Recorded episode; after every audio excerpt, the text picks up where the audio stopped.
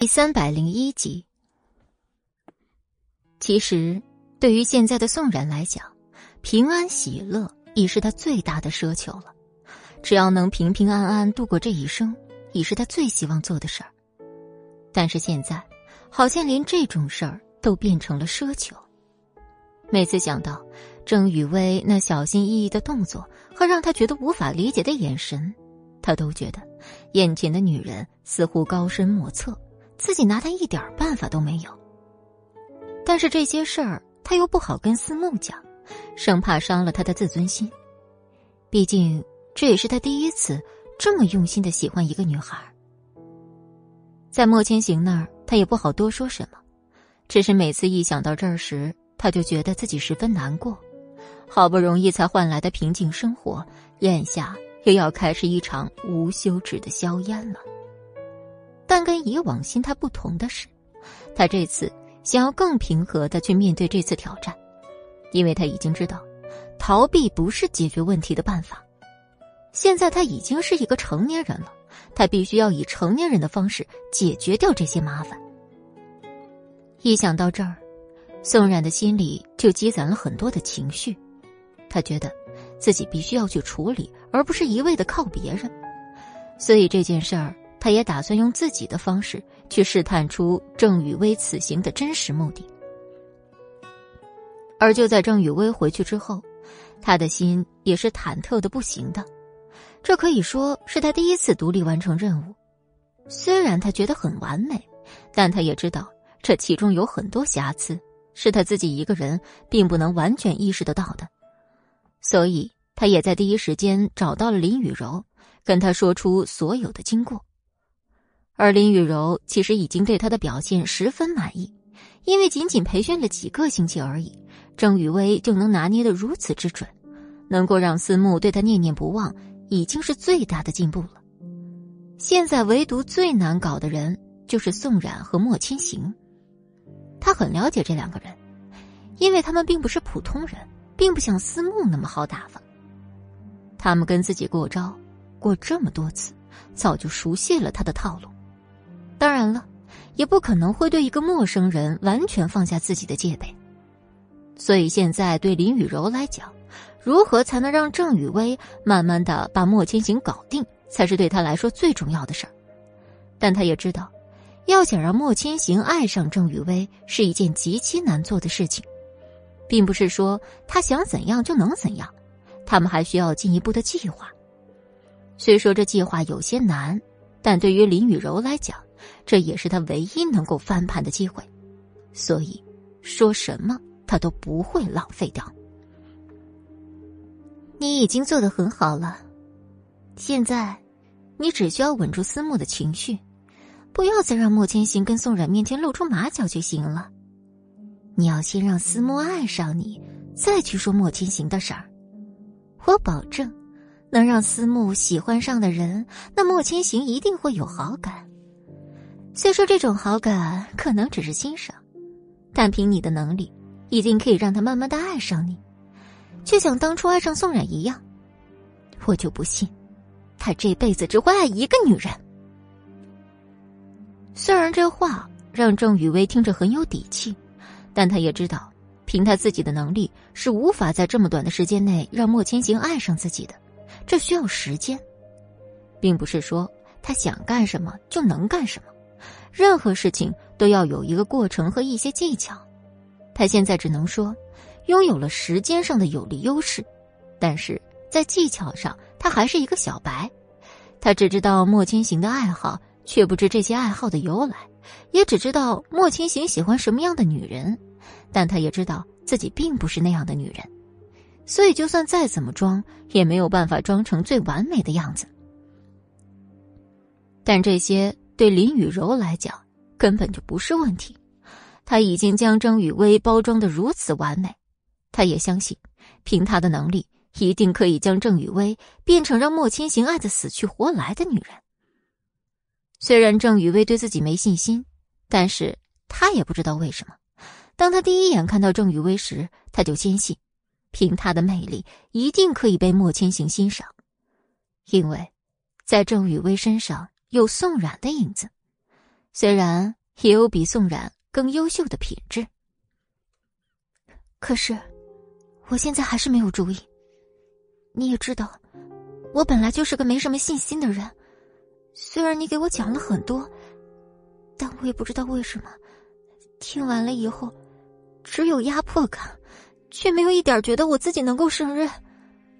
刚才在墨家的时候，我能感觉到宋冉看我的眼神有变化。我担心，他或许已经看出来了。要不然，你再找个人吧，我害怕引火上身。如果这件事被我搞大了，我怕我自己会收不了场的。郑雨薇将自己的顾虑告诉了林雨柔，因为这真的是他目前最担心的事儿。因为他真的不是一个心思缜密的人，但现在一直这么装下去，他觉得自己变得都快不认识自己了，而且他也不想欺骗思慕的感情。虽然说思慕对他很好，但是他总觉得自己这样是在伤害他，他真的不想做一个连自己都讨厌的人，因为那样的话，他会觉得自己是一个很坏的人。他从小。就生活在一个非常健全的家庭里，如果不是因为母亲生病，父亲又出了意外，他也不会到这种以欺骗别人的方式来获取钱财的地步。虽说这样做让他很为难，但如果不是因为母亲急需医药费，他可能根本不会走上这一步。他宁愿出去勤工俭学，也不想扮演这样的角色。他虽不是出生在富豪家庭，但也算是一个平安喜乐的生活环境。他虽对金钱也很向往，但绝不是以这种方式。他宁愿喜欢自己的是一个平凡的人，也不想卷入这场三角恋之中。林雨柔听到这儿很气愤，因为他早在之前就跟郑雨薇讲的很清楚，他不需要负任何责任，一切责任都由他来承担。他只需要去扮演一个角色罢了，没想到他却如此胆小，连这种事儿都想这么多。要知道，李雨柔可是一个天不怕地不怕的人，最讨厌这种胆小懦弱的人了。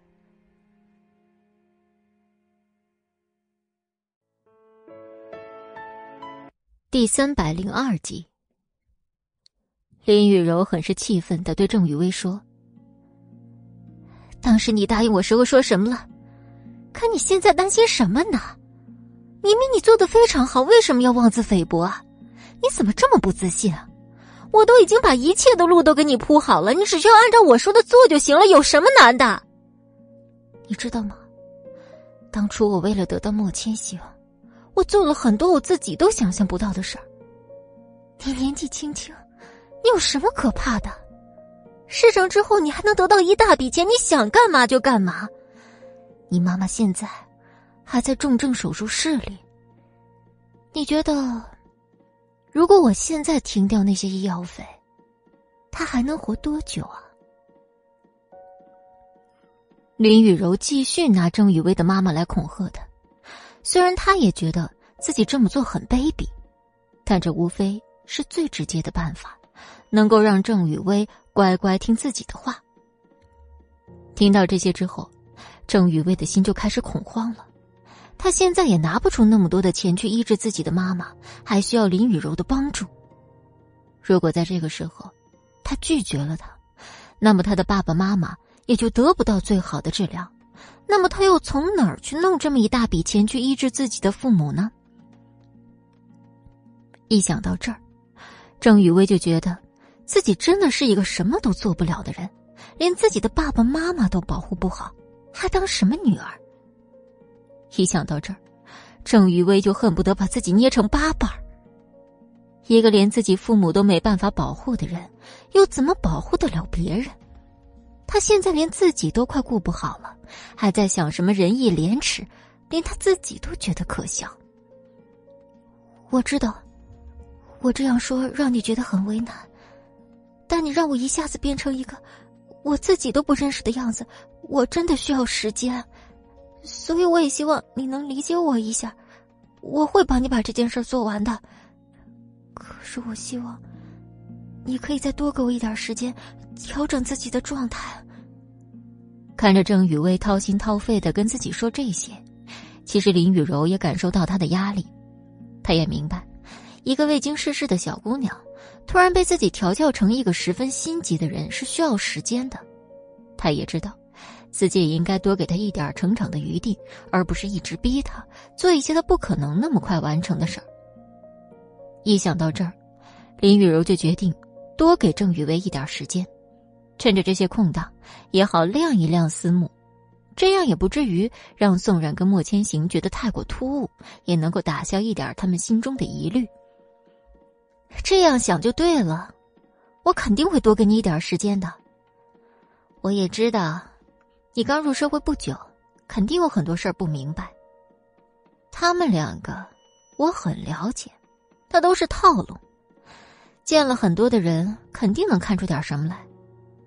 但我从跟你讲的这些事儿，我能够感觉出你其实挺单纯的，他们也能看出这一点，所以，这是为什么思慕那么喜欢你的原因。你只要继续保持你那份单纯就行了。接下来，我也会多给你一些时间，让你好好了解一下他们之间的事情。这段时间呢，你也先别联系思慕了，先冷着他，等他找你再说。过段时间，我再安排你继续跟他约会。这样也可以保证，我们的计划能够万无一失。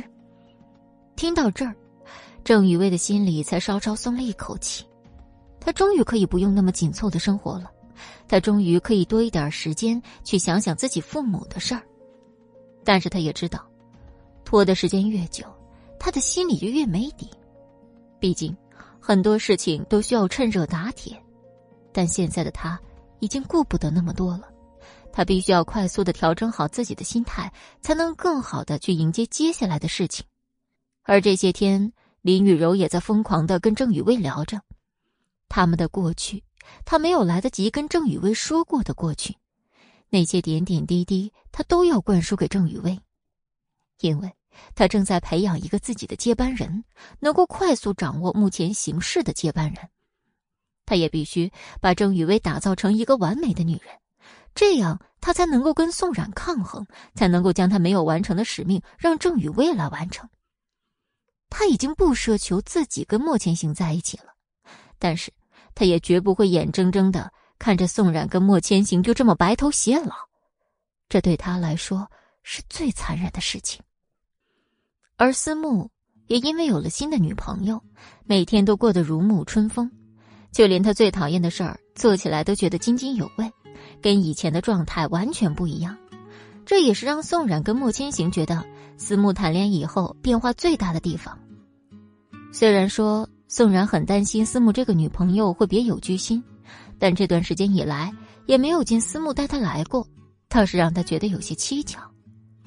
按理说，如果他真对莫千行有兴趣的话，早就会来这儿看他们了。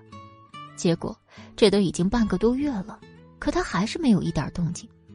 那只能说明郑雨薇可能并不是自己想象中那么心机重重，还有一种可能就是她只是被莫千行的美貌吸引，而真正喜欢的人其实还是思慕。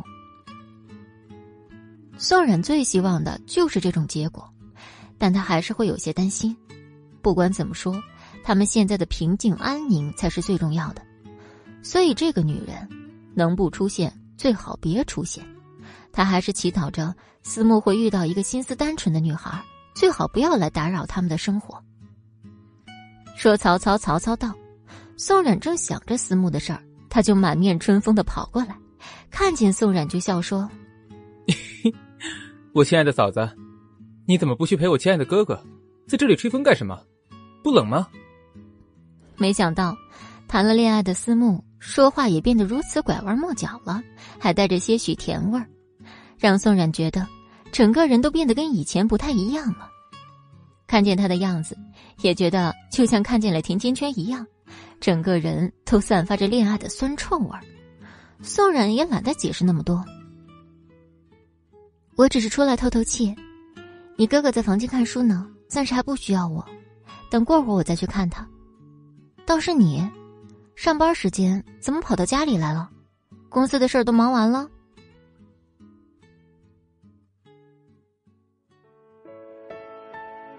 第三百零三集。其实，公司的事情思慕并没有处理完，但是他又有一个好消息要告诉莫千行，那就是他已经谈成了一个合作，可以保证下半年的订单稳居 A 城第一。这样的消息，他觉得打电话不够隆重，必须要亲自告诉莫千行才可以。另一个目的也是想要莫千行多夸夸他，来称赞他的进步。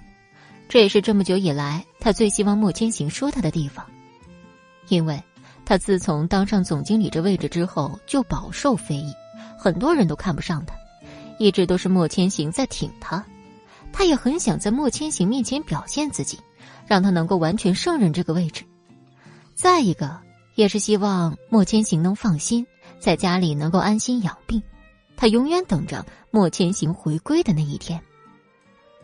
宋冉就这么带着思慕去了书房，他也知道思慕的性子，但是也就是在路途中，他稍微打听了一下关于郑雨薇的消息。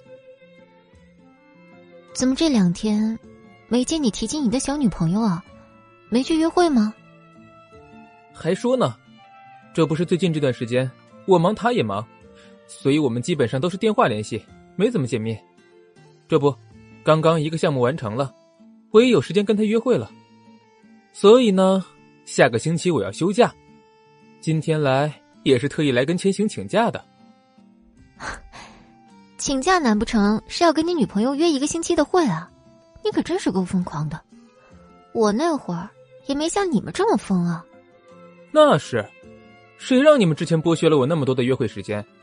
现在我也要把他们全部补回来，这还算少的呢。我本来想请半个月的。后来想想，现在正是公司的关键时期，我就不给千行找麻烦了。所以呢，我就请一个星期假就可以了。但是我也不会说这一个星期都去约会，肯定会时不时的去公司里面看看进度什么的。所以你也不用太担心了。你可要说到做到，可别到时候自己说过的话不承认，那可就自己打自己的脸了。怎么会呢？我思慕说过的话当然是算话的。倒是你们可不要不给我涨工资，还一直压榨我哟！听着思慕油嘴滑舌的话，宋冉很想打他一顿，奈何他们已经走到莫千行的书房门口，看着莫千行在房间里那若有所思的样子，真是帅极了。宋然也是第一次这么认真的去观察莫千行看书的样子，真的是非常的温文尔雅，就像是从漫画里走出来的男人一样。他也同样温柔的喊了声：“千行，你看谁来了？”莫千行当然知道是谁能够走进他书房，这无非只有两个人，一个就是宋冉，然而另一个就是思慕。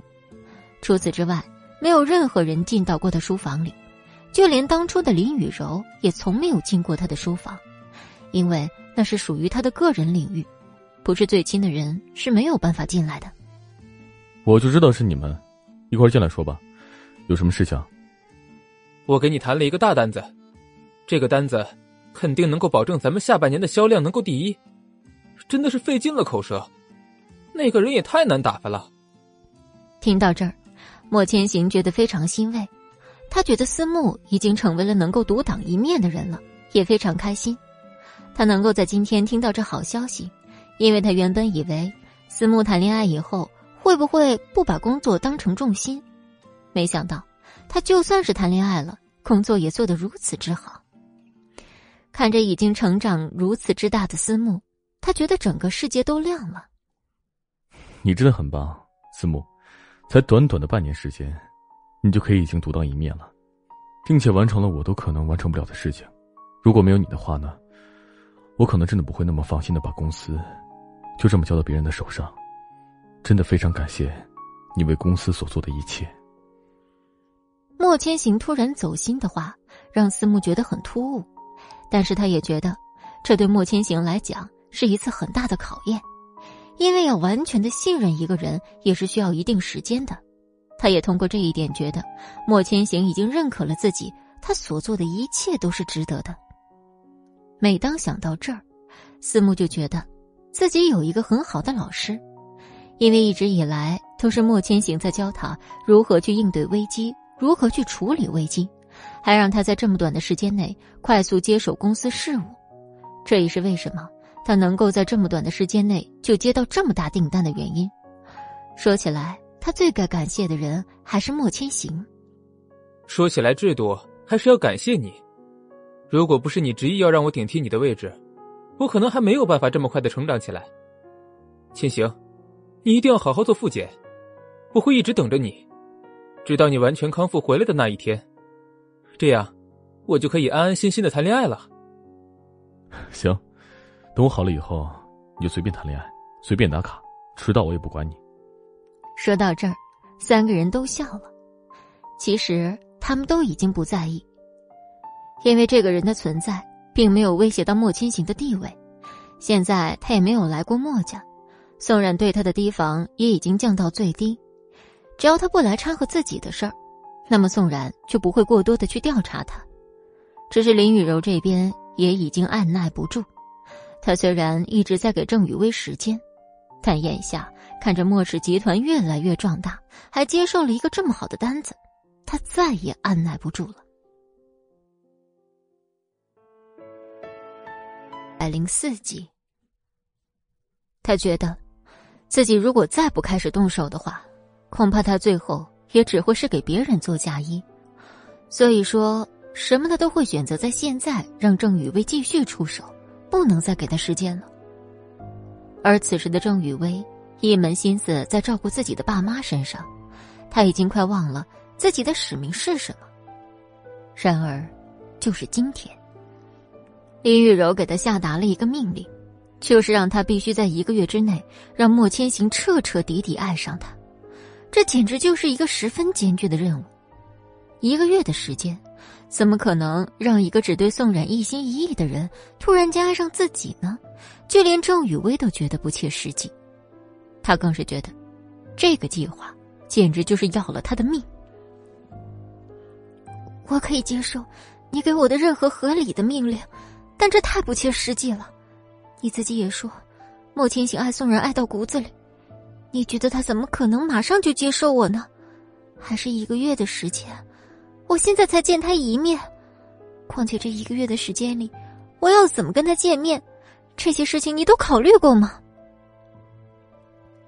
林雨柔何尝不知道这件事不容易，但她必须在那笔单子开始之前就让莫千行的注意力转移到郑雨薇身上，也只有这样，他的计划才可能实行。如果在这之后，郑雨薇还是没能够跟莫千行在一起，那么他所做的一切都都白搭了。要知道，拖得越久，莫千行就会对这个人越不感兴趣。所以现在，也是能够燃起莫千行内心小火苗的最佳时期。他也坚信，一个人不可能永远只爱一个女人。他觉得，郑雨薇身上这种单纯，就是宋冉已经丢失的东西，而这种东西，恰恰是莫千行能够重新爱上的灵魂。雨薇，你要相信你自己，连我都被你迷上了。你觉得莫千行这样的男人，又怎么可能不会迷上呢？他是很爱宋冉，但他怎么能够保证他这辈子只爱宋冉一个人呢？你也跟我说了，他对你第一印象很好，只要你能够抓住某一点，让莫千行爱上你，那我们所做的一切都是值得的，不是吗？听到这儿时，郑雨薇彻底被林雨柔的口才折服了。他还是第一次听到这样的回答，但是没有办法，拿人钱财替人消灾，就算是让他上刀山下火海，那他也得干啊。是这样，我会尽我所能，但如果我做的不够好，或者没有完成预期的目标，我希望你能理解，因为我真是第一次做这种事儿，没有经验的。放心。我知道你的能力，就算你没完成我想的那样，只要你尽力了，我就会觉得雇你这个人是值得的。听完他的话之后，郑雨薇也明白了这次自己的使命有多么艰难，但无论如何，他都会努力完成，因为这是他答应林雨柔的事情。他本就是一个言而有信的人，更不会因为自己恐惧而不去做这件事儿。他已经晾了思慕那么多天，现在也是时候去问他了。但是，现在他也不知道该怎么去开这个口，才能够引起思慕的注意，所以一切的一切都需要林雨柔的指点。其实，他根本不用担心怎么去联系他，他现在肯定着急的想去联系郑雨薇。郑雨薇当然知道肯定会是这样的道理，但他也不知道为什么心里总有很多疑虑。关于这段感情，他其实觉得愧疚，因为毕竟是自己欺骗了思慕，有很多事儿他也是受害者。自己去拿着他对自己的喜欢那样肆意妄为的伤害他，他真的很怕有一天思慕会恨上自己，但终究是没有办法的事儿，谁让他选择了这样一条不归路呢？一想到这儿，郑雨薇就对思慕充满了歉意，但这也是没有办法的办法。就在他想着思慕种种时，思慕一个电话就打了过来。他已经猜到对话内容是什么，还是从容不迫的接道：“薇薇，你在干什么呢？有没有时间一起出来吃个饭？我们都好久没有出来约会了，正好我这段时间的工作也忙完了，可以有时间好好的陪陪你。”郑雨薇看到林雨柔对他使出的表情，他知道那是告诉他让他答应这次约会，他也如实照做了。好，你把地址发给我，我这就去。郑雨薇乖乖的去说了，已经准备好了台词，但没想到的是，思慕根本就没想让他亲自过去，他已经准备好来接他了。他说让他把地址告诉他就行。郑雨薇哪里敢让思慕知道自己的住处？况且现在他也还是在林雨柔的家里，这是万万不能告诉他的。不用了，我自己过去就行了。你这样来回跑太麻烦了，而且已经很晚了，我们能珍惜一分钟就是一分钟。听到“珍惜”两个字，思慕的心里像是乐开了花一样。他没想到郑雨薇现在这么珍惜跟自己的感情。这也让他更加肯定自己能够跟他走得长久。好的，那我把地址发给你，你可一定要来哦，不要让我等太久，我们可很长时间都没有见面了。听到这儿，郑雨薇的心都要化了。他很肯定的是，自己再这样下去，一定会被思慕感动哭的，就连这么微小的细节，他都可以注意到。一直没有谈过恋爱的他。第一次有了想谈恋爱的冲动，虽然他知道这是假的恋爱，但就算是这样，对郑雨薇来说也是很难得的一件事儿。好，我尽快，你可以先点餐吃着，不用刻意等我，我大概一个小时之后就到了。听到一个准确的时间，思慕的心里更是小鹿乱撞。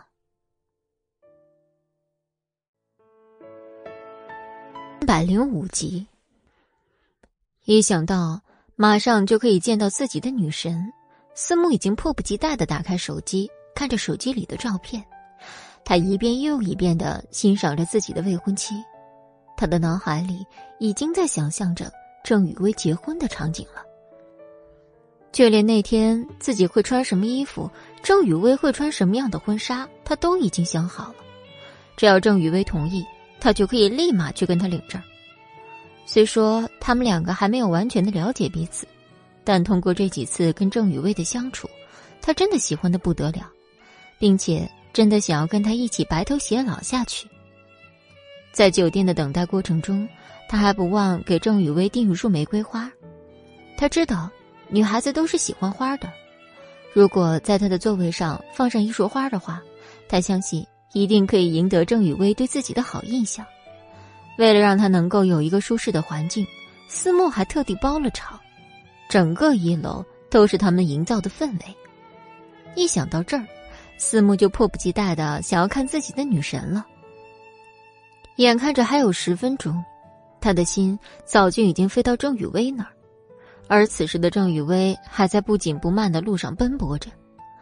这几天因为照顾父母的原因。他也没有心思吃饭，整个人都瘦了好大一圈而且每次一想到自己要接这么艰巨的任务，他连吃饭都不想吃了，觉得睡觉都是奢侈的。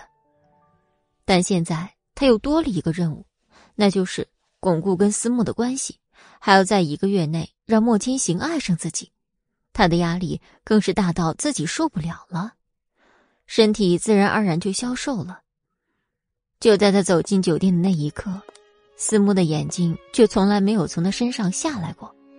看到自己的女神瘦了这么多，思慕更是恨自己没有在这段时间里多关注她的饮食，一上来就说道：“怎么回事呀？怎么瘦了这么多？咱们两个也就半个月没见，你，你这是受什么刺激了？可能是最近运动过量了吧，而且胃口也不太好。”所以自然而然就消瘦了。你要是胃口不好，可以告诉我呀，我可以给你点外卖，或者我可以直接去接你，咱们一起去吃饭。你可不能一直这么瘦下去，你的身材已经很好了，没有必要再去减肥。还有，运动也要适量，不要强求自己。听到这儿时，郑雨薇心里更加感动。他们其实也谈了没多长时间恋爱。思慕就能如此体贴的关心自己，想到这儿，郑雨薇就觉得自己的行为真的非常恶劣。但是谁让他已经答应林雨柔了呢？这场戏说什么都得演下去。其实也还好，只要我按时吃饭的话，不胖都是好的。主要是最近可能太忙了，没顾得上自己。放心吧，我以后会控制好自己的体重的。说到这儿，思慕才彻底放下了心。一个响指，让一个拉小提琴的男士走过来说：“可以开始了。”就这样，一场浪漫的约会拉开帷幕。小提琴的声音一直萦绕在他们的周围，而那精致的西餐更是给他们的约会埋下了伏笔。在这样优雅的环境下，一个人很难去想那些不开心的事情。有那么五分钟里，郑雨薇觉得。自己十分幸福，有那么五分钟，他真的觉得自己就是偶像剧的女主角。他们深情款款的看着对方，眼神中传递着对对方的欣赏与喜欢。虽然郑雨薇还没有完全爱上思慕，但是他对思慕的欣赏也是有增不减的，而思慕也沉沦于每一次郑雨薇带给自己的形象。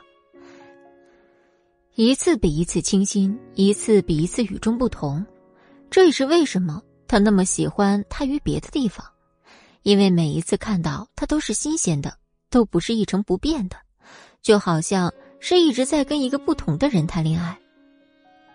可是当音乐结束时，郑雨薇还是立马从自己的想象中醒了过来，他知道凡事都是有度的，他自己已经宽限自己太长时间了，所以从今天起。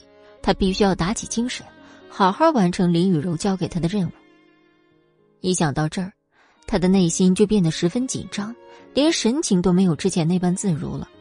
而这一点很快就被思慕发现，他赶紧体贴的问：“雨薇，你这是怎么了？刚才还好好的，现在怎么感觉你这么的不舒服？是不是吃错什么东西了？”“没有没有，我就是太喜欢这个音乐了。”想到自己以前的音乐老师，可惜他已经去世了，所以才有点伤感。哦，原来是这样，都怪我，我不应该让他们拉小提琴，引起了你的情绪，真是太不好意思了。真的不怪你，是我自己的原因，你千万别觉得这是你的错。其实我挺喜欢这个音乐的，也很喜欢你带我来这个地方，真的用心了。非常谢谢你。只要你喜欢就好，我做的任何事情，都是想让你能够开心，能够在工作之余感受到一丝丝的温暖。虽然说我们两个认识的时间并不是很长，但是每一次跟你约会的时候，我都觉得像是沐浴在春风里一样，舒服、自在。我不知道你是不是跟我有一样的感觉呢？第一次被问到这样的问题。郑雨薇也觉得头大，她总不能说自己每一次跟他约会都压力山大。虽然说这是他真实的感受，但是在思慕面前，他还不想受这么沉重的打击，只能说谎。我跟你在一起也挺舒服的，非常开心。这样的假话连郑雨薇都觉得自己很虚伪，但思慕却丝毫看不出这是在敷衍他，反而很开心的说：“太好了，你能跟我在一起感觉到舒服，就是对我最大的称赞了。我以后也会竭尽自己所能，把我们的每一次约会都打造成浪漫的样子。”六集，一想到这儿，郑雨薇的心里更是愧疚。他只是随便说说而已，没想到思慕就如此认真。他赶紧说道：“真不用这么麻烦。为什么说跟你在一起舒服呢？就是因为能跟你想说什么就说什么，想吃什么就吃什么。如果每一次约会都要你这么累的话，我觉得就达不到舒服的目的了。所以我也希望你不要曲解我的意思，好吗？”郑雨薇已经很努力的在让思慕不要再为自己的言行付出代价，她真的很担心，如果有一天思慕知道他的真实身份，会很恨现在自己这么用心的来追求他。但思慕好像一点都不觉得累，他觉得每一次给郑雨薇精心准备的约会都物有所值，对他来讲根本就不是麻烦，而是一种享受。你真的不要这样想，所有的事情都是我自己决定的。对你好是我自己的想法，给你布置浪漫的约会，也是我自己的想法，根本就不是麻烦。对我而言，这是必须要做的事情，也是你应得的事情。所以，你千万不要觉得有负担，你只需要享受在其中就好了。郑雨薇何尝不想享受其中？可现在的情况是，一旦思慕对他好过了，十分他的歉意就会增加十分。他不想让自己这么负债累累的跟思慕在一起，但显然这已经没有办法满足了，因为思慕已经逼迫自己，也逼迫他接受这个事实。真的，思慕，我希望我们之间的感情可以简单一点，纯粹一点，不需要那么多花里胡哨的东西，你也不需要花尽心思追求我，因为我已经答应跟你在一起了，我也会为这段感情负责。我想。你喜欢我，应该也是因为我的真诚吧，所以我们就简简单单在一起就好了。你对我越好，我反而越有负担。我希望我们之间可以简单点儿，就是这样。思慕万万没想到，郑雨薇能如此郑重的跟他说这些话。原来他想要对他的好，其实他并不想接受。他想要的感情，其实就是简简单单、平平淡淡的陪伴而已。可对思慕来讲，爱情就应该轰轰烈烈，就应该是浪漫共存，而不是像白开水一样平淡无奇的生活。那对他来讲，真的太不像他的风格了。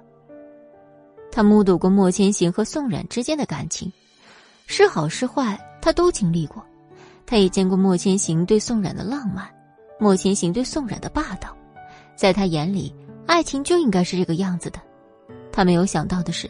原来自己喜欢的女生心里的爱情竟如此简单，他不得不接受这个事实，毕竟这是郑雨薇喜欢的方式，他也不会去强迫她。嗯，好的，那我以后就按照你说的来，我们就像是老夫老妻那样生活，好吧？听到这时，郑雨薇再一次被思慕感动了，好像自己说的每一句话，思慕都会认真去听。可自己都没有这样为他去做过。谢谢你，思慕。这已经是你给我最好的礼物了。我也希望，有生之年，我可以尽我所能，报答你对我的喜欢。这真的是郑雨薇心里最真实的想法。她很难过的是，自己没有办法像思慕对自己喜欢一样去喜欢他。以后一旦有机会可以报答思慕，他一定会竭尽所能让自己全身心喜欢上思慕，这是他对自己的要求。思慕一下子抱住郑雨薇说：“我还是那句话，喜欢你是我自己的事情，你根本就不用去想报答不报答的问题，因为我们迟早会在一起。只要你能跟我永远在一起，就已经是对我最好的报答了，不是吗？”面对这个问题，郑雨薇更是无言以对。他真的像一个坏人一样，把一个人对他的喜欢利用到了极致。他也紧紧抱着思慕说：“你怎么对我这么好？我到底何德何能，才能拥有你对我的喜欢？”傻瓜，对你好，怎么可能会有原因呢？就是喜欢呗。别想那么多了，快吃饭，这可都是你喜欢吃的菜，多吃点以后可别那么瘦了，我会心疼的。听到这时，郑雨薇真的感动坏了。除了自己的父母，也就思慕会如此担心自己有没有好好吃饭。为了不辜负他的好意，他更是将他点的菜吃个精光。什么淑女形象，什么千金小姐，他都不管不顾了。只要能在自己可以承受的范围内，他都想用尽自己所能去报答思慕对自己的喜欢。眼看着时间一点一滴过去，他们的饭也快吃完了，郑雨薇这才想起自己的任务，他必须要找个机会再次混入墨家，不然大一个月的目标根本就不可能会达成。他看着思慕，有些忐忑的说。对了，思慕，上次也没能跟冉冉姐好好聊聊天，也不知道这段时间他们有没有空，你好带我去找冉冉姐去玩啊。听到这儿，思慕更是开心坏了，因为要想让一个女人真正爱上自己，那就去试探她有没有想融入自己的朋友圈。如果她开始想要融入自己的圈子，那也说明她开始接纳自己了。你要是想来，只要一个电话。我随时可以带你去找宋冉，他也是一个很健谈的人，而且上次我也发现了，你们其实有很多共同语言的，而且你们身上有很多相似之处。你要是在家觉得无聊，就可以给我打电话，我就可以把你带到他家里去。反正宋冉现在也没有工作，他唯一的工作就是把莫千行照顾好，每天都跟莫千行一个人说话，想想他也是有够无聊的。要是你能够多去陪陪他，我想他一定会很开心的。听到“陪”这个字，郑雨薇也感受到宋冉对莫千行的爱。真的吗？宋冉每天都不出门，只陪莫千行一个人吗？可不是嘛，连我都觉得他们两个简直就是神仙爱情。换做是我，每天待在一个环境里，早就憋坏了。但是宋冉。他已经待在那个家里半年了。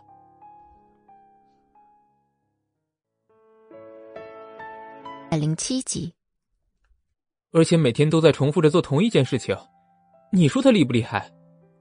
他能把莫千行照顾的如此之好，也怪不得千行会那么爱他。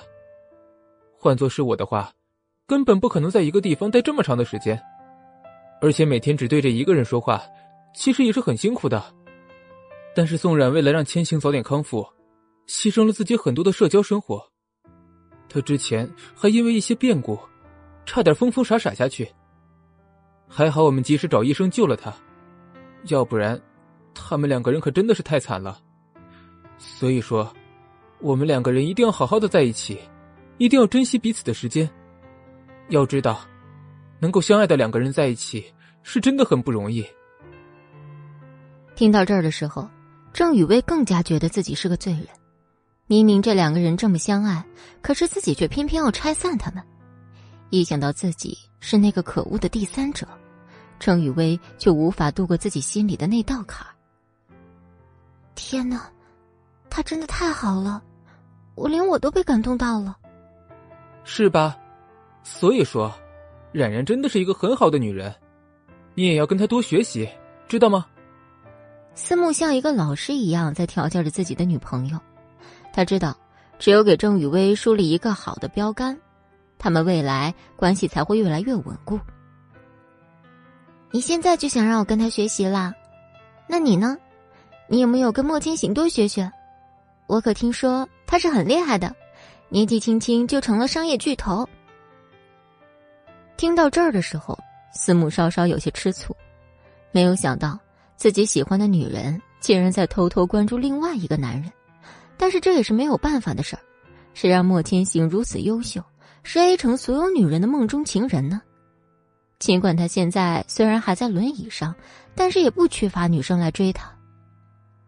快说，你是不是背着我偷偷查了莫千行很多资料啊？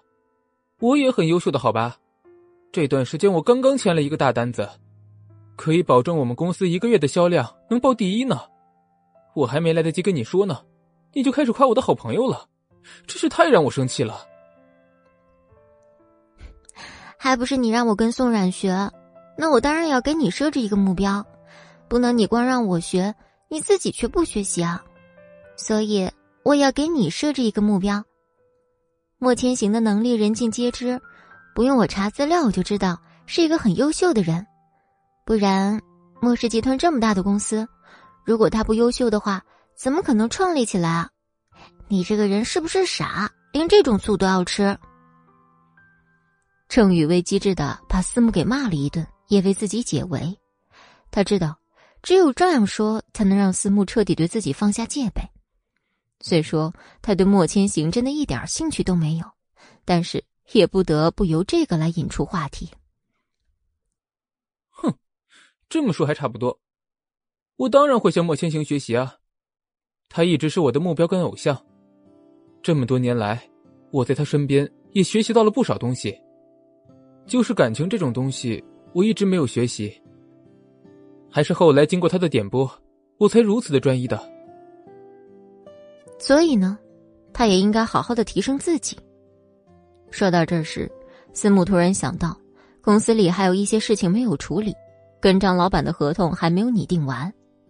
郑雨薇不想耽误司慕的工作，那要不你现在赶紧回去做吧，别耽误了跟他们的合作。现在已经很晚了，公司的人也都下班了。明天吧，明天做也来得及。倒是我们，一直都没有好好的叙旧了，一定要趁着今天好好的待在一起。你说呢？刚刚还让你跟千行学习，现在你就偷懒。我知道你想跟我多待一会儿，要不然我陪你去公司，你订合同吧。等你弄完了，我再回家，这样行不行啊？听到这时，思慕简直感动坏了。他第一次遇到这么通情达理的女朋友。以前他招惹的那些红颜祸水，一听到他要出去工作，就巴不得粘在他们身上，不让他们走。可是现在的这个女朋友一直在鼓励他努力工作，还陪他去拟定合同。他真的跟以前那些女朋友比起来，太过温柔，太善解人意了。说什么，思慕都不会让这个女孩轻易离开自己。他爱的这个女朋友爱到了骨子里，所以无论发生什么事，他都会保护这个女人，相信这个女人。这是在这一刻他对自己发下的毒誓。思慕突然觉得，眼前的女人好像散发着某种光芒，让他不能拒绝。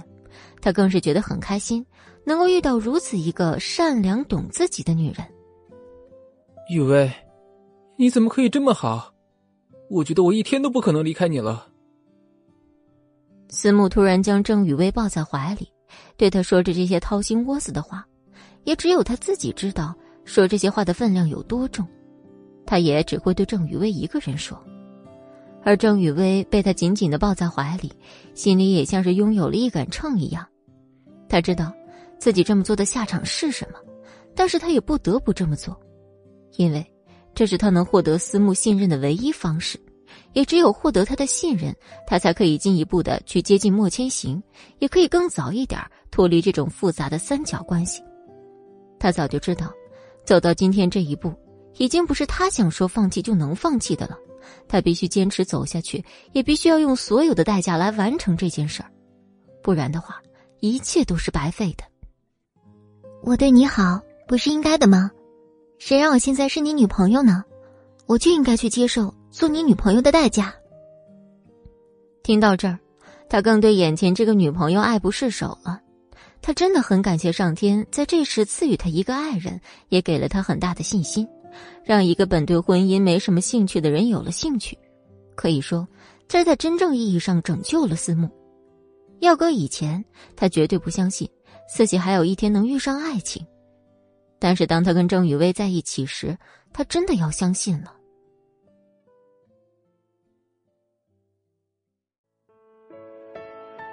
三百零八集，他大概相信了莫千行曾经对他说过的爱情长什么样子，可能就长现在这个样子吧。无论对方说什么做什么，只要想到他的一举一动，都是一种享受，二十四小时都想跟他待在一起。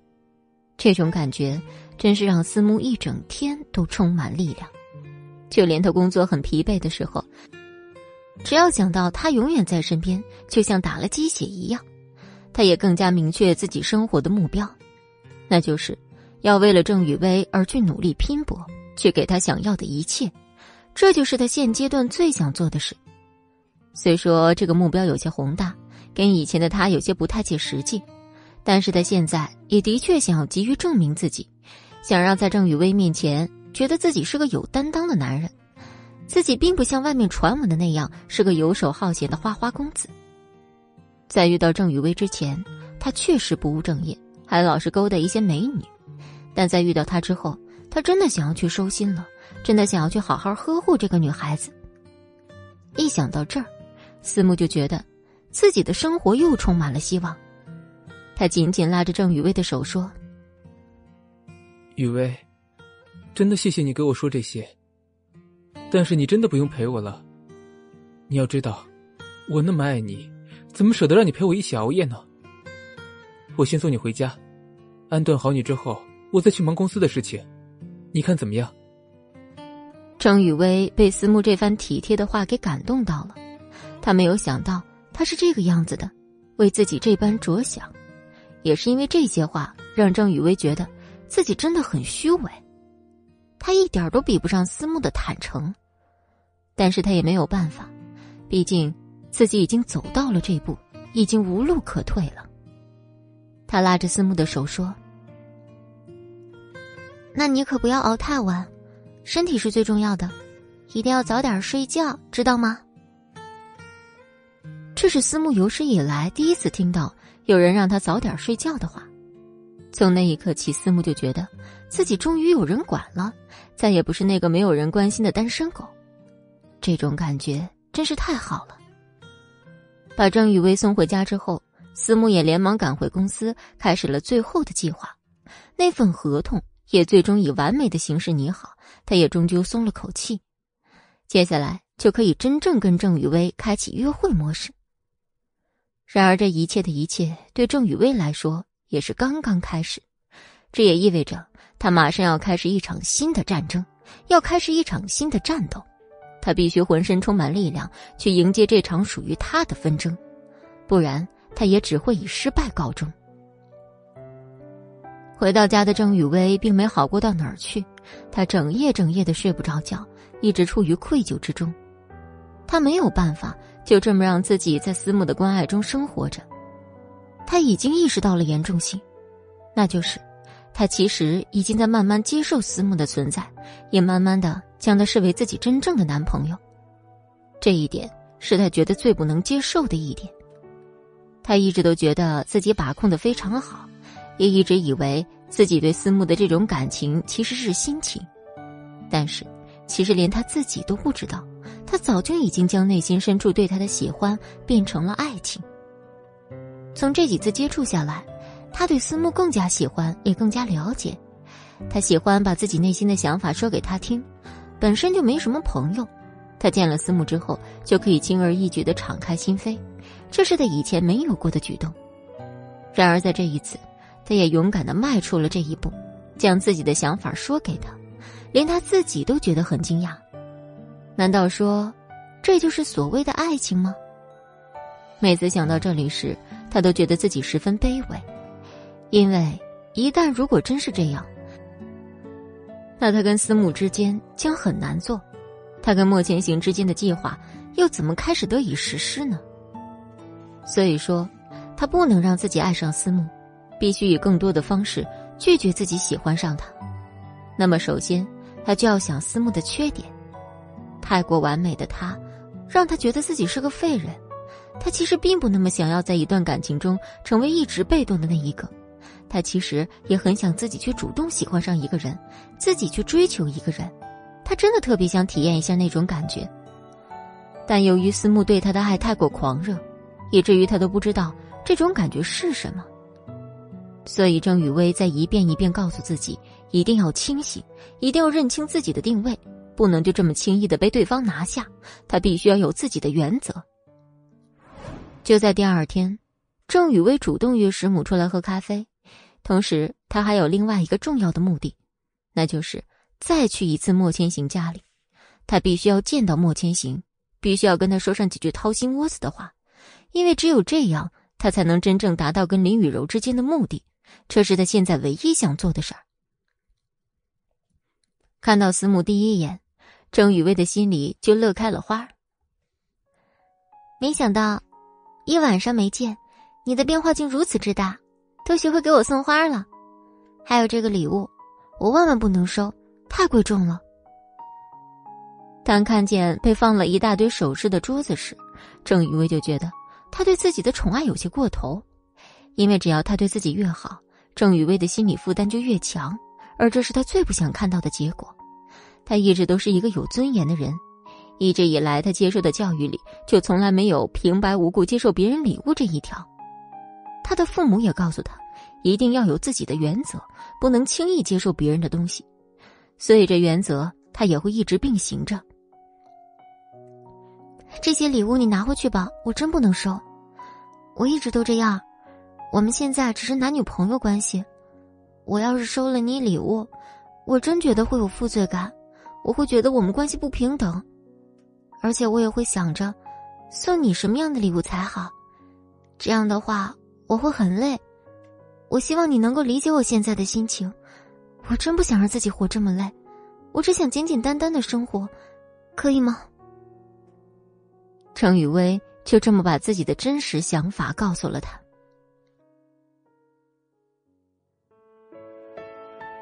第三百零九集，他头一次觉得。自己这么不中用，连拒绝别人都这么生疏，但实际上他就是这样的一个人。他真的没有办法平白无故的去接受一个人对他的好，就算对方是自己男友，给他再多的关心都可以，但一旦给他物质上的东西，他就会觉得很反感，反而让他有了一种被包养的感觉。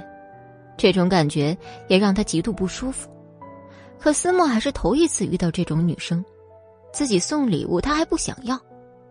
要知道，以前的女朋友巴不得他送他们一堆礼物呢。他还是头一次看见这么不想接受自己礼物的女生，内心虽有些不高兴，但总归也欣慰。这人看上的不是他的钱，应该是他的人品吧？好吧，你要是不想要，我就让人带回去。没事儿，我送你这些礼物没有别的意思，就是想让你知道。我对你的喜欢，比你想象的还要多，但是我又怕你感受不到我对你的喜欢，所以我就想以这种方式，但是没有想到，这种方式并不是你喜欢的方式。那以后我就不这样了，你别生气了好吗？看着四目如此耐心的跟自己解释，郑雨薇觉得自己是个十恶不赦的坏人，怎么能这样去对待一个喜欢自己的人呢？他的态度立马变得温和起来。你千万不要因为我说的话而伤心，我就是这么一个直接的人。对于别人的礼物，我向来都是拒而远之的。这可能是我性格上的原因吧，一时半会儿也改不掉。如果有让你觉得伤心的地方，希望你能谅解。我原本真不想这样伤害你，但我确实会觉得心里不舒服，所以才这么跟你说的。你一定要原谅我。这辈子，也只有你会让我这么为难了。但是我也想让你知道的是，我宁愿被你误会，也不想让你觉得我一点都不喜欢你。只要你开心，让我做什么，不让我做什么，我都会乖乖的按照你的要求去来的。这些话更是彻底感动了郑雨薇，她也将思慕紧紧的抱在怀里。你怎么对我这么好？你难道真的不怕？我是图你的钱吗？程雨薇就是想知道，在他心里自己到底是一个什么样的女人。但思慕的回答更是让郑雨薇大跌眼镜。他十分真挚的说道：“不管你图我什么，不管你图我的钱，还是图我的色，还是图我的出身，我爱的只有你一个人。当然，我是个很重感觉的人。当我看到你的第一眼。”就已经被你吸引了，我就知道，我们两个一定会有故事发生，所以我也希望，你能够认真的考虑跟我长久的在一起，这真的是我这段时间以来最期待的事情了。听到思慕的真实想法，郑雨薇更觉得自己是个罪人。但无论如何，只要他能够跟思慕在一起，他就决定了要好好和他在一起，绝不会让他认为自己是个水性杨花的女人。关于林雨柔对他的命令，那也不那么当回事儿了。虽然给了他一个月的时间，但他知道那根本是不可能完成的任务。他要是能拖一点时间的话，应该也没有什么。至少在他自己看来，这些事情都是可以妥协的。毕竟，林雨柔花了那么长的时间来培养自己，也是一件不容易的事儿。他觉得以他的性格，绝对不会轻易就将自己淘汰掉。所以有那么一瞬间，郑雨薇真的很想放肆的跟思慕狠狠爱一场，不管旁人说什么，也不管旁人做什么，他们就只管那样去喜欢对方就是了。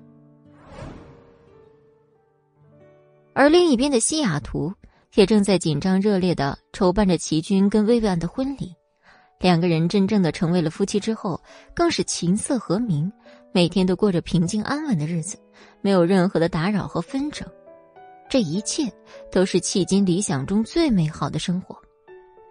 他跟薇薇安两个人心心相惜，每天都过着自由自在的日子，就像神仙眷侣一样，没有一点忧愁。而薇薇安也得到了自己想要的生活。没有了宋然以后，他们的生活再也没有了第三者。而在西雅图这个美丽安静的地方，他又跟齐军做了以前很多想做却没做过的事儿，比如他们一起坐上热气球去俯瞰整个国家的美丽，又一起开车去旅行去看广阔的大自然。如果不是因为这场婚礼的起居，还真的不知道。能这么近距离的去观察这个国家的美丽，如果不是因为齐军跟薇婉的蜜月，他可能还欣赏不到原来还有这么美好的地方等着他去发现，等着他去欣赏。然而，就在薇婉去洗手间的几分钟里，齐军接到一个电话，这电话不是别人，而是他日思夜想的宋然。宋然打这个电话并没有别的意思。他也从一些地方知道齐军跟薇薇安已经结婚的消息，他也只是想单纯的表达一下对他们的祝福。毕竟这么长时间以来，齐军也帮助自己很多，宋然也真的很想放下这段感情。别人都结婚了，他还有什么好内疚的呢？所以宋冉也想借着这次机会，彻底跟齐军好好谈谈，好好的理一理他们之间那剪不断理还乱的关系。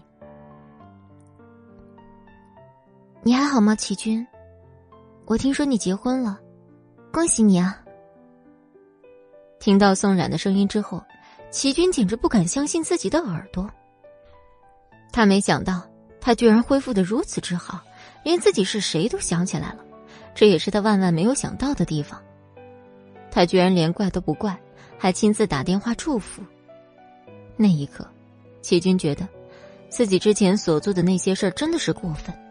如果不是因为自己粗心大意，也许宋冉根本不会遭遇那么痛苦的事儿，也不会睡了那么长时间不省人事，被人当做傻子一样来看待。想想自己过去做的种种，他觉得自己这辈子真是太对不起宋冉了。如果有下辈子的话，他真的想用自己的一生去弥补宋冉。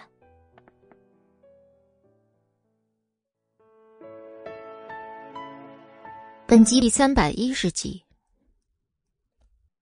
没有想到，你还能打电话给我，真的是太感谢你了。你给我说的这些话，我这辈子都记在心上。我也希望你能够原谅我对你做的一些事情。你要知道，我就是因为太爱你了，才会做出来这些荒谬的事情。宋冉自然知道齐军的意思，他既然选择打这个电话，就是有分寸的。他也想用这个电话来跟齐军之间彻底道个别。再有就是，因为他们之间的恩恩怨怨，也不是齐军一个人的过错，有很多他自己做错的事。虽说他以前生病确实是齐军造成的，但是很多时候他也变相的利用了齐军，用他的关系来让自己更加便利，没有顾及到齐军的感受。这也是他一直以来想要跟齐军道歉的地方。现在看着他有一个美满的家庭，宋冉觉得自己总归是办了一件好事儿。并没有让齐军真正的孤家寡人。你真的不用给我道歉，我们之间也不是三两句话就能说得清的。我给你打这个电话，也是想让你彻底放下负担，跟薇薇安好好生活，也希望我的电话没有打扰到你们，仅此而已。齐军，过去我也有做的不对的地方，也请你多多包涵。以后，我们就真的再也没有瓜葛了。你也要好好对待自己，对待自己的生活跟妻子。我衷心的祝愿，你越来越好。听到这儿时，齐军整个人差点泪目。他万万没想到，有朝一日自己会接到关于宋冉的祝福，也万万没想到，他的祝福竟如此真诚，真诚的让他自己都觉得，自己以前真的很过分。怎么能做出那样的事儿？他立马对宋冉开始道歉。没想到到了今天，你还在为我说话，我真的是太无言以对了。宋冉，但凡以后有你需要我帮忙的地方，我绝对会义不容辞的跑到你身边帮助你。你也跟莫千行好好的，我们今生今世是没有缘分了。如果下辈子、下下辈子，我还想跟你在一起。也还想继续的爱你。说罢，齐军很无奈的放下电话，留给了宋冉一个远远的背影。而这段话刚刚好被薇薇安听到，她刚好从洗手间里出来，没想到就这空暇的十分钟里，自己的丈夫还跟别的女人打电话，还是自己十分痛恨的宋冉。一想到这儿，他心里就像着了火一样。齐军。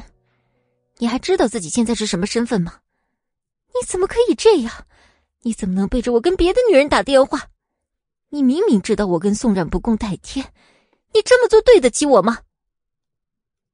此时的齐军真是有理说不清，他真的是无意间接到这个电话，也没想到宋冉会打过来。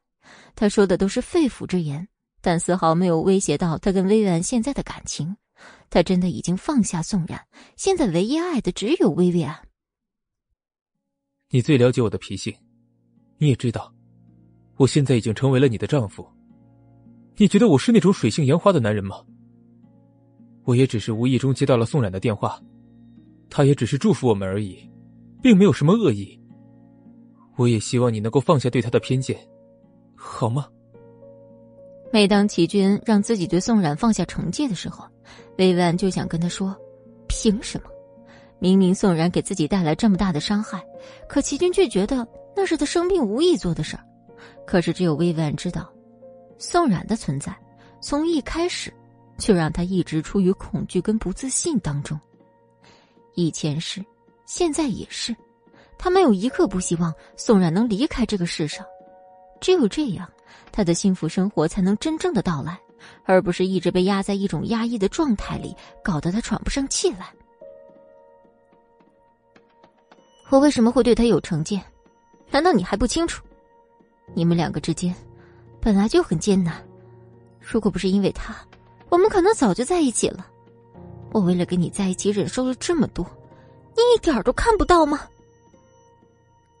齐军当然能看到薇薇安对自己的付出，他只是觉得今天的他有点过于激动了，因为本来宋然打过来也并没什么恶意，也只是来祝福他们而已。他只是想象不到。薇薇安对宋冉的积怨居然这么深，你真的误会了，他真的没有想要来拆散我们的意思，他只是打个电话祝福我们。我都已经跟你结婚了，你怎么还是这么不自信呢？你非要让我跟他老死不相往来，你才真正的会放下这段前尘往事吗？毕竟都过去了，你干嘛老揪着他不放呢？这不是折磨自己吗？在你心里。我就是这么不堪的人，在你心里，我就是这么斤斤计较的人，你到底把我当什么？听到这儿，其实齐军的心里也有些难过，毕竟这几天是他跟薇薇安的蜜月期。宋冉这个电话打的虽不是时候，但是他相信他是真诚的祝福自己，只是没有想到自己娶的女人心量居然这么小，连一个已经过去的人都没办法释怀。薇薇安，我真的觉得你应该去看一下心理医生。到底要我怎么做，才能让你彻底的信任我呢？我都已经跟你结婚了，这些天，我也在尽力按照你的方式去生活。他也只是打了个电话关心一下我们而已，你至于生这么大的气吗？我当然至于了，我们好不容易在一起，现在好不容易过了几天安生日子，他一个电话就能让你跟我生这么大的气？你说实话，你的心里到底有没有真正放下过他？你现在心里面想的是我，还是他？这个问题真是问住了齐军了。就像薇薇安所说的那样，他现在整个人都在宋冉那儿，他的心思也已经被他迁移到了国内，这是不争的事实。只是就连齐军自己都没有发现。三百一十一集。但是齐军就是这么一个爱面子的人，他也不想承认，只好对薇薇安说：“你来质问我干什么？我没有就是没有。”我只是就事论事，我也不想再跟你做这些无谓的争吵了。我还是先回酒店吧，你自己好好冷静一下。听到齐军的话之后，薇薇安整个人彻底炸了。他万万没想到，一个电话就能将自己跟他之间的约会搞得如此狼狈。他现在也是恨透了宋冉。就在齐军走后的十分钟里，他更是拿起电话对着宋冉的号码拨过去。当听到是宋冉的声音之后，便开始了人身攻击。宋冉，你怎么那么不要脸啊？你明明已经有了莫千行，还在这勾搭我的齐军，你到底是何居心啊？你是缺男人，你还是缺爱？自己什么样不知道吗？还非要来骚扰我的家庭？他一听那语气就知道是薇薇安，他只不过是打个电话，他就变得如此烦躁。宋冉真不知道齐军怎么会娶这样一个暴躁的女人。我跟齐军之间只是朋友而已，朋友之间互相祝福一下不可以吗？你这妻子管的未免太严了一点而且这些，并不应该是你操心的地方吧？什么？我管的太严了？你是没老公还是怎么着啊？你难道不知道女人之间最不能容忍这种事儿吗？你要是不想让我误会，麻烦你以后放尊重点不要再来打扰我们的生活。如果你做不到，那也别怪我对你不留情面。我也会跟你的爱人莫千行说这些。到时候，这两败俱伤的局面就不好看了。既然这样，那我也把话说清楚。你跟齐军结婚了，就好好生活吧，不要再想这些有的没的。我也希望你能够自信一点，齐军是个好人，他既然选择跟你在一起，就一定会负责到底，也根本不会再对我做些什么。如果你能在这段感情里自信一些，我想你应该能够获得更多他对你的尊重。你如果在我身上花太多的时间怨恨，真的没有什么必要，因为感情这种事儿本来就不分什么厚道，也不分什么谁爱谁多谁爱谁少。我也只是把这几天。对我的关心，关心的方式向他传递过去，这其中或许有不恰当的地方，但这也只是我们两个人的事与你无关，你也没必要在这指责我，因为你现在这个样子，真的让人觉得很无理取闹。宋冉就这么噼里啪啦的将薇薇安批评了一顿，然后直接挂断了电话。他真的很讨厌这种无理取闹的人，明明自己没做错什么。对方却摆出一副自己受了天大委屈的样子，就连宋冉都觉得这样的女人受不了，也不知齐军是怎么忍受下去的。但毕竟这是齐军自己的选择，他也不会多说什么。现在的希望就是他们能好好生活下去，毕竟他也不希望齐军一直在自己的阴影之下活着，他也希望对方有一个好的归宿。只是这一幕，不仅是薇薇安看到。其实莫千行也看到了，他的内心也在挣扎着，因为这个电话，他对自己极其不自信。他总觉得是因为自己没有完全恢复，才会让宋冉勾起了与齐军之间的回忆。看着宋冉那样对别人说齐军的好坏，他内心的嫉妒俨然发了出来。他立马将桌上的茶杯摔出，听到响声的宋冉马上赶过去，看到地上一片狼藉，赶紧说道：“这到底怎么回事？你怎么这么不小心，把东西摔了一地啊？”莫千行根本不想解释，只是将头扭过去，丝毫不想搭理宋冉。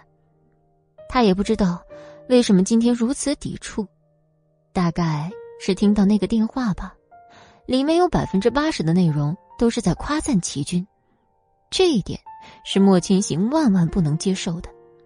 哪怕宋冉在打这个电话之前跟他说了一声，他的醋意也不会有这么大。你自己做了什么事情，你自己心里清楚。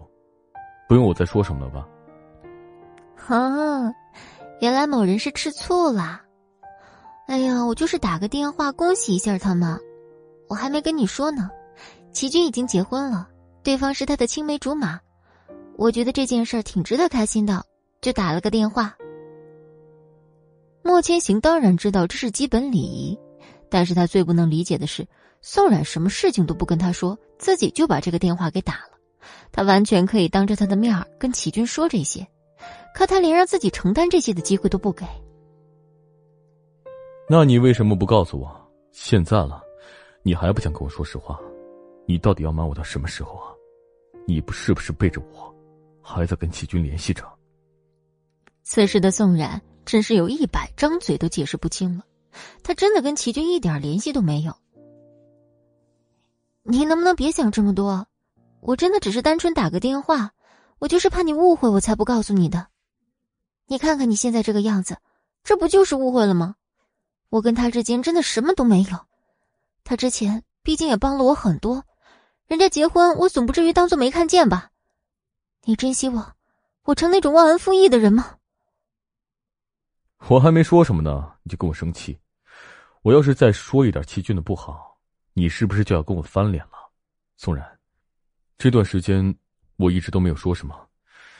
难道你不知道你为什么当初会变傻吗？不都是因为那个人对你做了一些事情吗？现在你不怪他也就算了，你还去恭喜他，你到底是站在哪一边的？你有没有想过，如果不是他的错误的话，你怎么可能有那么长时间的会变傻呢？第三百一十二集，眼看两人的争吵。已经到了水深火热的地步，宋然也不想再多过多的解释，直接离开了莫千行的房间。而莫千行也因为这件事儿对宋冉没有任何想要说话的欲望，因为他们之间其实一直存在一些问题，之前两个人都没说清楚。然而就是因为这些事，两人也彻底爆发了。宋冉并不觉得自己做法有多过分，可是他也不知道。为什么莫千行竟如此小心眼儿的跟自己过不去？他把自己躲在房间里不出门，不管是喝水还是吃饭，都让人把东西送进来。他也并没有觉得这样子做有什么不妥，因为其实这段时间他也有点看不惯莫千行的做法。他总是时不时的问自己，到底能不能接受自己现在这个样子？其实他根本就不介意莫千行是健康还是残疾。无论他是躺在病床上，还是坐在轮椅上，还是活生生的站在他面前，他爱的永远是莫千行的灵魂，而不仅仅是他的肉体。可是这一点，莫千行却好像感知不到一样，总是误解他。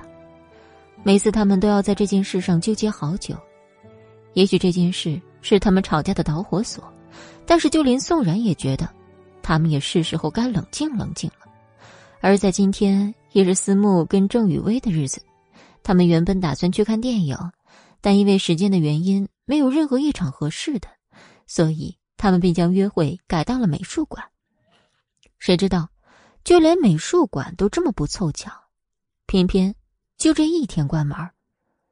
无奈之下，思慕也不知道该带他去哪儿约会。就在这时，郑雨薇突然想到，可以借这个由头去找宋冉。这样也可以接近莫千行，于是他很随意的说道：“要不然，你带我去找宋冉玩吧，我们也好久没有聊过了，我也想知道他最近过得怎么样。上次见面之后，我们都还没怎么好好聊过天呢。”一想到这儿，思慕就觉得非常好，因为他也想让宋冉跟郑雨薇的关系更亲密一些。这样也可以让他们更好的去交流。毕竟这对思慕来讲，能稳固住郑雨薇，那真是再好不过的事情了。再加上宋冉是自己的好朋友，郑雨薇这边有任何想法，他都可以通过宋冉第一时间知道。这对他来说是一件只有收益不会亏本的买卖，所以说什么他都会参与其中。一想到这儿，思慕就觉得这个计划简直是天衣无缝，他立马就带着让吕薇回到了墨家。只是他自己怎么都没想到，竟撞在了枪口上，因为现在正是莫千行跟宋然冷战的时候，他却带来了客人，就连佣人都觉得思慕这次真的很没有眼色，居然在这个节骨眼上带回家了客人。他一进门就呼喊着宋冉的名字，奈何他怎么叫都没有人出来回应，只有一些熟悉的佣人来招待他们。思慕觉得奇怪，哎。家里怎么没有人吗？宋冉跟千行去哪里了？思慕少爷，你不知道吧？刚刚少爷跟小姐吵了一架，两个人在各自房间里面都不出来，已经好大一会儿了。要不你进去劝劝他们？我还是第一次见少爷跟宋小姐吵这么凶呢，可真是吓死我了。怎么会呢？两个人平时不是挺好的吗？怎么会突然吵架呢？你知不知道是为什么呀？具体什么原因我也不知道，只是听说好像宋小姐给谁打了个电话，那个人让莫先生很生气，可宋小姐偏偏不承认，所以两个人就这么争执起来了。吵架也是自然的，一直僵持到了现在，我们也不好说什么。就在刚刚，我也是刚给宋小姐送去吃的喝的，可她并没有吃。莫先生那边。我们不敢去他书房，你也知道他的脾气，所以希望您去劝劝他吧。听到这儿的时候，郑雨薇觉得，现在真是一个大好时机，他真的可以在宋冉跟莫千行吵架中找到一点缝隙加进去，自己也好立马插入他们的感情。只要能快速让他们感情破裂，他也可以早早从这种复杂的关系中脱出身来。可是，一切哪会有那么容易？人们生气也快，消气也很快。此时的郑雨薇也很担心自己的做法会过于激烈，让他们看出端倪。这时实在是太纠结了，该不该出手也成为了一个天大的难题。不用去劝，他们两个吵架那不是家常便饭吗？都经历过那么多风风雨雨的人了，这点挫折算什么？不用管他们，过一会儿就好了。唉。倒是委屈了我的女神了。好不容易她能够来墨家唠唠嗑，谁知道宋冉还在气头上。唉，那我们还是走吧，等过些天他们气消了再找他们聊天吧。好吧，那我们来的真是太不巧了。你也多劝劝他们，别老吵架，吵多了对情侣的感情是不好的。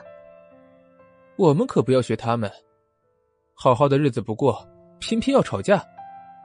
我们一定会比他们过得幸福的，你说对不对？对对对，你说的都对，我们不会吵架，但是你也别幸灾乐祸，情侣之间有磨合才走得更长久，像我们这种热恋期还不到吵架的时候，所以就算以后吵架了，我们也要好好去解决，绝对不能冷战，知道吗？当然了，我是什么脾气你不知道吗？两三句话都不能憋在心里头，你觉得我怎么可能会跟你冷战呢？我们一定会好好过日子的，我一定会坚信，只要你不出尔反尔，也不要想太多，我们就一定会过得很好。我相信，我们一定会有这么一天的。一想到这儿，郑雨薇的心里就觉得特别的甜。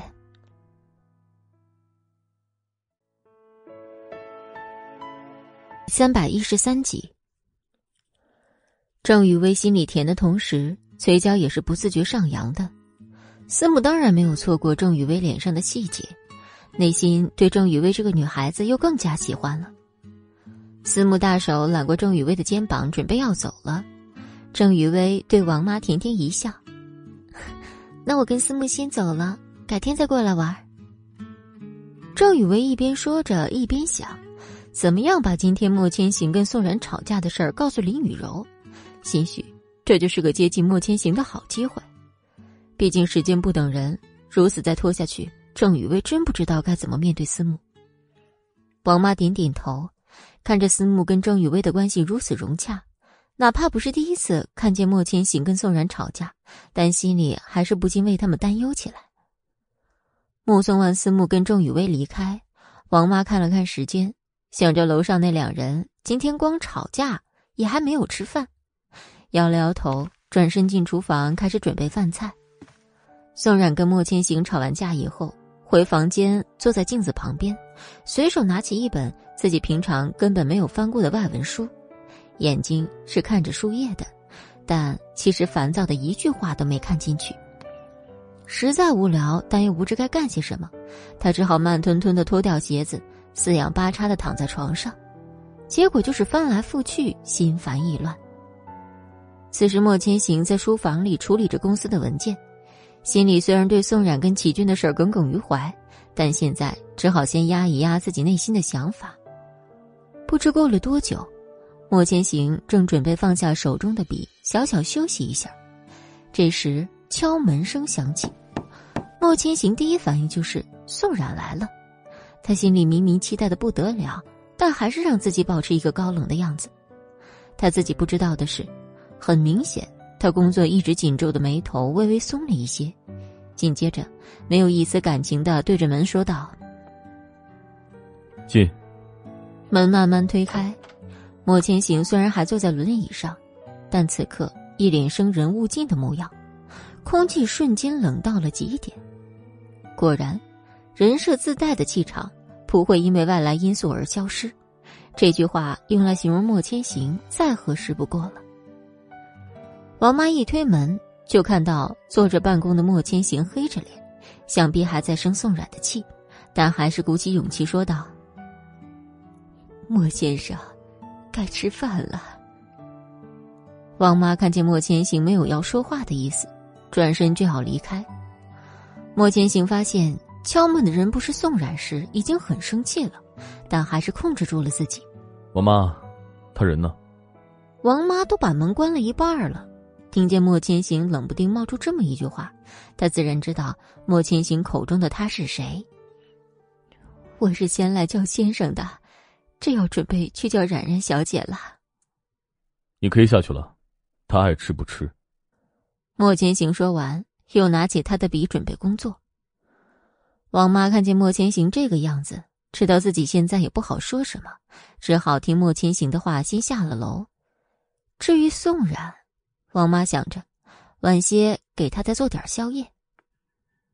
王妈下楼的声音，莫千行听得清清楚楚，瞬间又安静下来的空间，让他不禁又想到宋冉这个惹他生气的女人。拿起笔，也没有看向桌子上的文件。几分钟过后，他只好放下笔，控制着轮椅出了书房。莫千行忙了这么久，肚子已经很饿了，但是。该去楼下餐厅吃饭的他，却不知不觉来到宋冉的房门前。莫千行眼神坚定的，仿佛要着把这门看穿一样，丝毫不觉得自己现在的行为有什么不对。盯着看这个门，越看莫千行越觉得不甘心。明明这次吵架的矛头是在于齐军这个男人不清不楚，宋冉这一下午竟然都没来书房跟他解释解释。想了想这次吵架的因素，把自己摘得干干净净之后，莫千行没有多加犹豫，细长的手指在宋冉的房门上随意敲了几下，里面没有任何的回应。莫千行没多加等待，硬着头皮转动门锁，门没锁。莫千行憋着一肚子话，已经打算跟宋冉大战三百回合，可是看见床上侧躺着已经睡着的宋冉时，全然没了脾气。莫千行只好摇摇头，代表自己的无奈。不管是五年前，还是上午刚吵完架的现在，面对宋冉时，莫千行都败了。莫千行小心翼翼转动轮椅到宋冉跟前，手还没有碰到宋冉的脸，口袋里的手机响了起来。这下，安静的房间一下苏醒了过来。熟睡的宋冉听到手机的声音，不自觉的嘟起自己的嘴巴。没有要睁开眼的样子，翻了个身，背向莫千行，继续睡了起来。莫千行看着宋冉翻身背对着他，只好笑了笑，拿出自己口袋里的手机。莫总，郑雨薇和司慕先生分开后接了一个电话，现在好像在商场里面兜圈子，没有看见可疑人物出现。莫千行听到手机那头人的汇报，并不是很满意。他考虑到宋冉还在睡觉，于是压低声音说：“继续跟着，处理干净。”是，莫总。电话挂断以后，莫千行把手机放在自己腿上，故意的轻轻一动，手机便滑了下去。莫千行用手指戳了戳背对他的宋冉：“宋冉，别睡了，我手机掉了。”其实莫千行敲门时，宋冉就已经醒了。只是他还没有想好怎么去面对莫千行，索性就没给他开门。现在莫千行说让他别装了，这话分明让他下不来台。莫千行没再说话，一分钟不到，宋冉败下阵来。他没有翻身面对莫千行，直接起身低头给莫千行捡手机。莫千行对宋冉现在这个态度更不满意了，冷冰冰的说：“宋冉。”你这个死样子摆给谁看啊？明明是关心宋冉，所以来到他的房间，现在出口都是伤人的话。莫千行真的就是腹黑男本黑了。宋冉把手机捡起来放到莫千行手里，莫千行顺手拽住他，怎么不说话？宋冉也没有多做挣扎，他心里清楚，莫千行就算现在坐着轮椅，比他力气大。他低头对上莫千行的眼眸。莫千行，我就是这个死样子，你想听我说什么？莫千行不知道宋冉会说出这样的话，他默默的松开宋冉的手。此时的宋冉就像一朵带刺的玫瑰，让莫千行又想起了那该死的征服欲。宋冉起身不看莫千行，莫千行也像个没事人一样拿起自己的手机。但就在这时，宋冉的肚子不受控制的咕噜了起来，打破了这尴尬的气氛。推我下楼吃饭。宋冉听见莫千行的话，现在自己抬不起头来，但是谁又会跟吃饭过不去呢？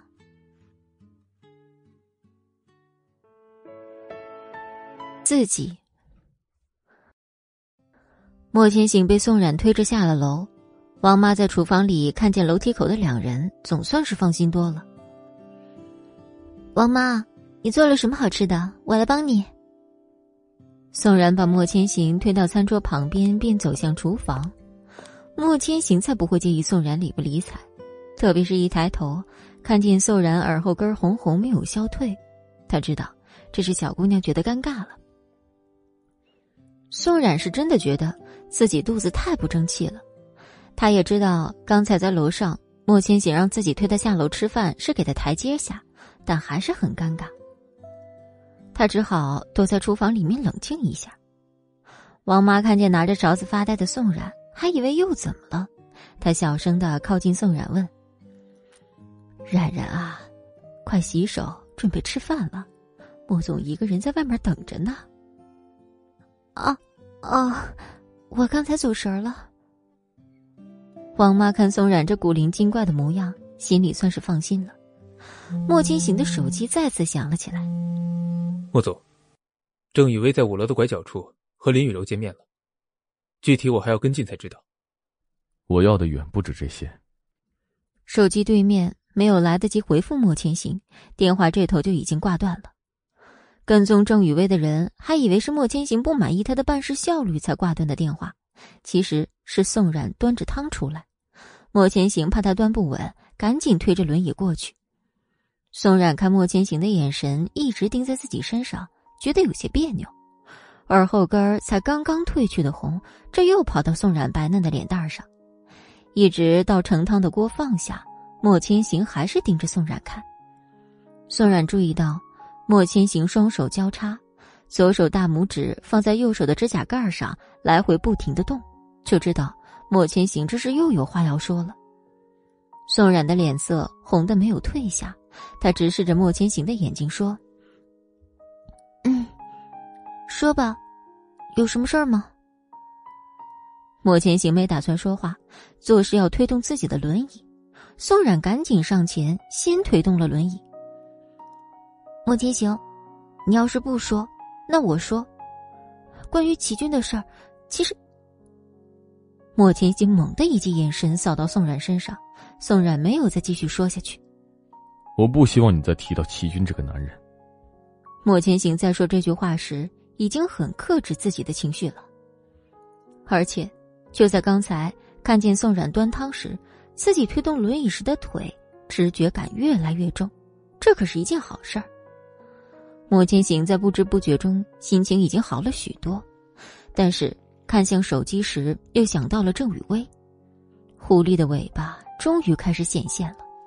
宋然可不知道现在莫千行心里的想法，他只知道现在去跟莫千行顶撞绝不是明智之举。自己睡了一觉之后已经不那么生气了。女人果然是个奇怪的动物，但是在宋冉心里还是非常不屑莫千行这种大男子主义的思想。他偷偷看了一眼在喝汤的莫千行，心里又有了新想法。果然，人长得好看，怎么看都顺眼，前提是他就这样一直安静的待着。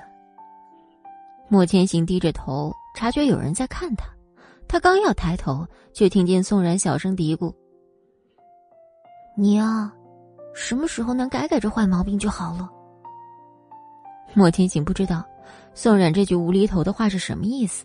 不过，感觉宋冉现在的状态明显好了很多，他也就放心了。一直到王妈把所有的饭上齐，这两个人也没有过多的交流。虽然各怀想法，不过餐桌上的气氛很明显缓和了不少。莫千行晚上的饭量并不大，平时也是可吃可不吃，这一切都因有了宋冉，才让他有了改变。宋冉用余光瞥到莫千行吃完了饭。但是他也没有说要起身离开餐桌，宋冉才没管他在干什么，细嚼慢咽的吃了一个饼以后，又让王妈给他盛了一碗汤。莫千行有时候觉得宋冉就像一个小孩子爱闹小脾气，不自觉上扬的嘴角还露出了宠溺的微笑。手机收到新的信息，叮的一声响起来，郑玉薇跟思慕分开后，就给林雨柔发了消息。之所以迫不及待的想跟林雨柔见上一面，就是因为他发觉自己好像越来越喜欢思慕了。思慕对他真的很好，但是他深知自己只是一个骗子，他做的一切也只是为了钱而已。林雨柔正在冷菲菲的店里挑衣服，前脚刚进试衣间，郑雨柔后脚就打了电话。自从上次出事以后，林雨柔自顾不暇，很久没跟冷菲菲联系。今天不知什么风。把冷菲菲这座大佛吹来，主动联系林雨柔说店里上了新品。林雨柔怎么可能会错过这种让自己变美的机会？一清早就打扮自己，花枝招展的来到商场。冷菲菲之所以联系林雨柔，是因为她知道启军已经结婚了，并且知道那些所谓的薇薇安跟林雨柔之前有过一些勾当。这次叫林雨柔出来。纯粹是想打探一下，那所谓的薇薇安是个什么样的人物。林雨柔的手机屏幕亮起来，冷菲菲走近，瞥了一下这个带着粉色毛茸茸的手机屏幕。虽然很嫌弃林雨柔的审美，但是瞥一眼得到信息却并不亏，是一个名叫郑雨薇发来的消息。宋冉跟莫千行吵架了，我该何时动手？屏幕变暗的同时。试衣间的门帘被拉开，冷菲菲没有多加思考，顺势坐在沙发上，对着开始照镜子的林雨柔说：“这可是我店里的新品，你穿着还真是合身。”林雨柔这个女人最喜欢听别人对她的夸奖，冷菲菲正好也知道怎么样讨她的欢心，于是乎，林雨柔满意的照了半天镜子，才到沙发这边坐下。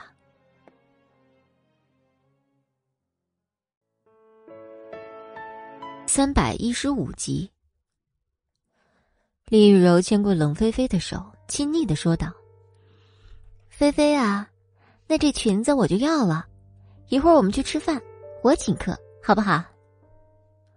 冷菲菲何乐而不为呢？正巧可以打探一下齐军的现状。好啊，不过我现在还走不开，一会儿还有一个客户要来，你等下要是无聊，可以去外面逛一逛。我们一会儿见。他才不相信，齐军结婚这事儿是正常事件。薇薇安那个心理医生估计也不是什么好人。林雨柔开心的笑了，拿起自己的手机准备订个餐厅，看见前几分钟郑雨薇发来的消息，手顿了一下，又恢复自然。冷菲菲把林雨柔送到了店门口，便去了楼上。另一边。郑雨薇没有回家，因为林雨柔给他发的消息，十五分钟以后约在商场的五楼见面。郑雨薇现在根本不知道自己已经被人跟踪了，只不过现在他心里很乱，对思慕的心思也越发明显。他不知道该怎么面对林雨柔，现在这种情况根本不允许他有节外生枝的想法。不知不觉就在商场里兜了几个圈子。磨磨唧唧上了五楼，林雨柔在咖啡厅里等了五分钟，郑雨薇还没出现，内心已经开始烦躁。她拿起自己的小包，不耐烦的出了咖啡厅，走到拐角处，刚想给郑雨薇打电话，就看见四楼电梯上的郑雨薇，可心情并没有缓和。郑雨薇抬头看林雨柔那不耐烦的样子，更不知道该从何说起。拿钱办事。郑雨薇，我是不是给你脸给多了？还是你觉得你已经傍上思慕这个有钱人就飞黄腾达了？我在咖啡厅等你多久，你知道吗？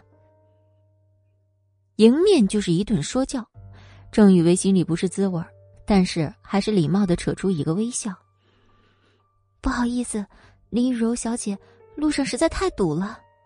行了行了，我站着等你腿都酸了，找个地方再说吧。郑雨薇就这样。一跟着一扭一扭的林雨柔又回到刚才那个咖啡厅。莫千行的线人也没闲着，第一时间拍了照片给莫千行发过去，然后跟着他们进了咖啡厅。林雨柔刚坐下，服务员就上前问：“小姐，请问你要喝点什么？”这完全撞到了林雨柔的枪口。你要吓死我呀！你是什么服务态度？郑雨薇看见这一幕。赶紧给那个无辜的服务员打圆场。你好，我要一杯美式咖啡，不要糖，谢谢。服务员下单以后，没有理会林雨柔，直接走了。林雨柔的小姐脾气又上来了。你这什么态度？等我把这家咖啡店买下来，第一个就把你给炒了。郑雨薇看着面前这个嚣张跋扈的女人，和宋冉亲和力十足，简直就是一个天上一个地下。他这时也总算明白，林雨柔和自己还有宋冉之间的差距。愣什么神儿啊？说正事儿。我今天，思慕带我去了莫千行家，他跟宋冉吵架了。哼，宋冉那个贱女人，总算有了报应。你现在要做的，就是频繁出现在莫千行的周边。引起他的注意。服务员把美式上完以后，林雨柔顺势接过来就喝了。这下郑雨薇心里更是反感林雨柔的作风。要不是为了那该死的一百万，郑雨薇真不想在这帮林雨柔做事儿。郑雨薇张了张嘴，林雨柔看出他有话要说，但并不打算给他说话的机会。郑雨薇。你现在所拥有的一切都是我给你的，你最好认清现在的局势。只有成功插足莫千行跟宋冉，你才有可能拿到那一百万。我知道我该做什么，可思慕是无辜的。无辜？你看看你爸爸妈妈现在过得无不无辜啊！如果你完不成任务，那你就再也不用见你父母了。还有。把你的小心思收一收，别给我惹是生非。林雨柔心情大好，给冷菲菲发消息说自己先去餐厅了。刚才那服务员看见郑雨薇一个人呆呆的坐在位置，便走过去问：“小姐，怎么了？你没事吧？”郑雨薇摇摇头，算是回应。服务员也只是好心，虽不知哪里出了问题，但对于这种奇怪的陌生人，也只好见怪不怪了。过了十多分钟，郑雨薇才勉强整理好自己的心情，离开了咖啡厅。莫千行的线人已经把这次咖啡厅的谈话原封不动的录音打包发给莫千行。另一边，莫千行也是个行动派，一分钟以后，线人收到了五十万块的信息账单。与此同时，莫千行正在考虑要不要顺着这个狐狸尾巴跟林雨柔玩一玩，但是又想到家里的宋冉，凡事有了牵挂。便有了牵绊，此事还需从长计议。现在最严重的事儿在思慕那边。千行，我推你回楼上吧。莫千行想事情的时候，宋冉已经起身走到他身前。宋冉突然的示好，让莫千行整个人放松下来，身上强硬的气息也弱了下来。好，我正好有些事情打算和你商量。宋然有些纳闷儿，这是太阳打西边出来了？莫千行这种人还会有事情跟我商量？心里的想法像一团毛线，越扯越长。推着轮椅上楼梯时，他还走了神儿。这种事儿也就只有宋冉能干得出来。一十六集，啊！小心！没来得及反应。宋冉推着轮椅就从楼梯上滑下来，莫千行根本顾不上自己腿有伤，用力把宋冉往怀里一扯。冉冉，冉冉，你没事吧？有没有伤到哪里啊？轮梯从楼梯上滚了下来，摔了个四仰八叉。莫千行把宋冉紧紧的揽在自己怀里，用自己的身体挡住了下滑的趋势。宋冉双手紧紧拽着莫千行的衣服，身体忍不住发抖。他摇摇头。又往莫千行的怀里缩了缩。莫千行看了看他，应该只是吓到了，便轻轻拍了拍宋冉的背部，仿佛在说没事儿。家里在客厅的佣人听到声音以后，赶紧从厨房里跑过来，看着面前已经摔了的轮椅，差点吓死。抬头望去，还好莫千行跟宋冉都没事儿。莫总，你跟宋冉小姐没事儿吧？莫总。你的腿用不用给你叫医生啊？佣人用询问的语气慢慢上了楼，但是不敢太靠近他们。莫千行腾出一只手，对佣人摆了摆手，示意让他下去。自己怀里的小姑娘一直在发抖，莫千行内心深处的记忆又被唤醒。在以前他们还是学生的时候，宋冉就是一个冒失鬼。有一次，他们跟思慕出去野餐。宋冉一蹦一跳，差点摔倒了。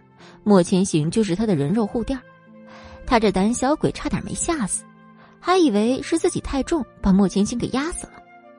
事后那一阵儿，大家还经常把这事儿拿出来嘲笑宋冉。不过只有莫千行自己知道，那时候宋冉的颤抖，还有担心的声音，砰砰而为他紧张的心跳，都是真实存在的。像这样胆小窝在自己怀里发抖的宋冉。莫千行已经很久没有见过了。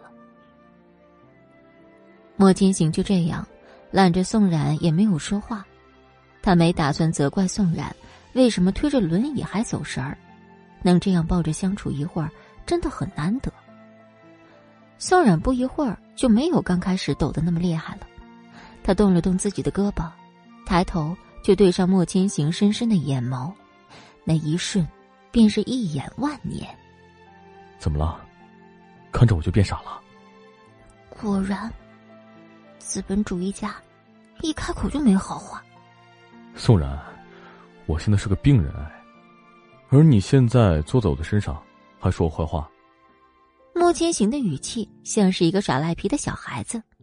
宋冉这才想起，莫千行的腿还没有完全恢复，但现在迷糊的自己竟然坐在他腿上，说时迟那时快。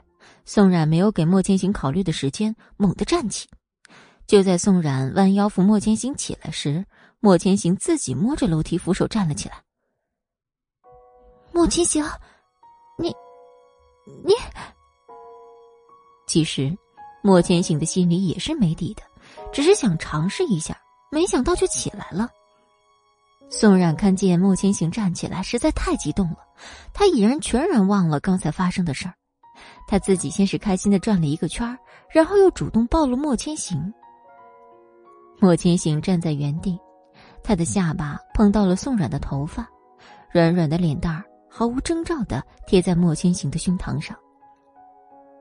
莫千行心情大好，顺势用双手环住宋冉，一本正经的说道：“我刚才站起来，现在身体还有点不太适应，你借我靠靠。”宋冉听到这话，总感觉哪里不对，但是又觉得莫千行说的很有道理。索性就这样让莫千行抱着，两个人正腻歪着，莫千行的手机又响了。莫千行看完手机中的照片，便牵着宋冉的手往书房的方向走。宋冉没想到，吃饭时莫千行说有事儿跟他商量，现在更加认为是真的有事儿。难道是关于他妈妈的？打开书房的门，莫千行一手拉过宋冉。将他抵在书架上，低头伏在宋冉的耳边。宋冉，你是逃不掉的。宋冉现在又后悔跟莫千行来书房了，现在这样子哪像是有事情商量啊？分明就是小白兔主动进了大灰狼的老巢，自投罗网。莫千行变本加厉的把宋冉和他之间仅剩的一点空间给挤没了。宋冉，我不想再和你吵架了。谁，谁也不想跟你吵架呀。这个回答，莫千行很满意。他轻轻亲了一口宋冉的额头，以示奖励。宋冉都快把持不住自己了。明明不是第一次接触莫千行，可每一次宋冉都还是扛不住莫千行的诱惑。脸颊通红的基础上，现在变得滚烫起来，说话都没有底气了。嗯嗯，莫千行。你不是说找我有事儿商量吗？有事儿就赶紧说呀。莫千行知道，宋冉这时是害羞了，没有再继续逗他，而是改为环住他的腰。两个人靠近，但是又有些距离，让宋冉的头脑瞬间清醒了很多。郑雨薇这个女人，你觉得怎么样？郑雨薇，不是思慕的女朋友吗？这问我做什么呀？以我女人的直觉来说，她可不是一个简单的女人。哦，有何见解啊？宋冉脱离莫千行的怀抱，坐到沙发上，对莫千行直率的说：“那天思慕带她来我们家吃饭，你还记得吧？”莫千行没有任何表示，示意他继续说下去。钟雨薇第一次来我们家做客，眼神时不时就偷瞄你，而且加了我微信以后。我总觉得他的目标是你。女人的直觉总归是没错的，他的目标就是我。莫千行看着宋冉将手放进嘴里，便说道：“别咬指甲，不用你去想，我给你解释就好了。”被当场抓包的宋冉只好羞涩一笑，把手指放下。莫千行把他的手拽过来，美其名曰是督促宋冉不再咬手指甲。第三百一十七集，郑雨薇是林雨柔派来接近我的，目的应该是让我和你产生间隙，从而让郑雨薇上位。他话音刚落，这边宋冉不怕死的就来了一句：“还用别人破坏吗？本来就有间隙啊！”莫千行听后，用力的握了握宋冉的手，宋冉疼得眉头皱了起来。莫千行不知道。宋冉到现在心里的想法还是这样的，气不打一处来。其实他本来想说的是，我们之间从没间隙，为什么宋冉就是不明白呢？但话从口中出来，却变成了：“宋冉，你这话的意思是我们中间还隔着齐军？”宋冉知道，齐军这名字就像一颗定时炸弹，比如现在，却是莫千行牵着导火索准备爆炸。没有。齐军已经结婚了，而且我对他没有任何感情。郑雨薇这个人已经是一颗棋子了，想必思维也是中了林雨柔的圈套，真是可惜了他的一片真心啊！真心？思慕都喜欢郑雨薇了，就说明郑雨薇还是有些手段的。他们认识的时间也不长，我觉得这事还是要告诉思慕的。思薇现在喜欢郑雨薇，喜欢的不得了，告诉思薇。这件事对我们反而没有利了，慢慢来。不过不管郑雨薇有没有手段，我都是不喜欢她的。莫总，你现在这胸有成竹的样子，是不是有什么计划呀？当然，好几天了，加快速度，狐狸尾巴也该露露了。哦，那你先忙，我就撤了。莫千行怎么可能这么轻易的放走宋冉这个小白兔？宋冉，我需要你帮我。怎么帮？莫千行把他的大体计划说了一下。宋冉听完，不禁佩服莫千行的思维，他表示愿意配合，并露出满意的笑容。两人已经粘在一起，现在计划已经说完，宋冉又要起身离开，走到书房门口，宋冉自己又折了回来。莫千行，你还没说你要跟我商量什么事儿呢？莫千行本来已经打算放过这只小白兔了，可小白兔现在又自己折回来。那就不能怪莫千行不客气。还没怎么适应走路的莫千行大步走向宋冉，宋冉见莫千行的样子，赶紧迎过去扶他。啊，莫千行，你才刚康复，走路的时候能不能小心点啊？宋冉的话虽然是在责怪，但语气明显是在撒娇。莫千行化被动为主动，亲了一口宋冉的耳垂。宋冉，搬回主卧住吧。宋冉愣了一下，莫千行可没有好心再给宋冉大脑思考的机会，他趁热打铁，接着亲了亲宋冉的脸颊，小心翼翼的，像是对待着世间最珍贵的珍宝。宋冉抬头看向莫千行，在莫千行的眼睛里，倒映的全部是他一个人。好。听到宋冉的回答后，莫千行再也没有任何顾忌。此时的书房温度开始随着他们的体温升高而升高，莫千行的亲吻慢慢下移。他掀起宋冉衣服时，明显感觉宋冉的身体有一丝僵硬。被索取了几次，莫千行终于消停。宋冉面软软的依靠在他身上，他的手揽着莫千行的脖子，头抵在他的胸膛。我帮你去洗澡，像是疑问句，也像是肯定句。然后就被公主道来到了浴室。虽然莫千行跟自己同在一个浴室，但宋冉现在身体更加难受，只好背着莫千行把自己头发扎起，准备冲个澡。这时，莫千行又从身后拢住了他。宋冉身子一僵，没有再动。嗯，那那个，你起开，让我先冲个澡。莫千行上扬的嘴角刚想放过他，就看见被头发一直遮住的玫瑰纹身。冉冉，你以前不是最讨厌纹身了吗？为什么是玫瑰啊？宋冉听莫千行提起脖子上的纹身，不禁想起以前发生的事儿，一时不知该怎么回复。莫千行皱了皱眉，没经大脑脱口而出：“难道是因为齐军？”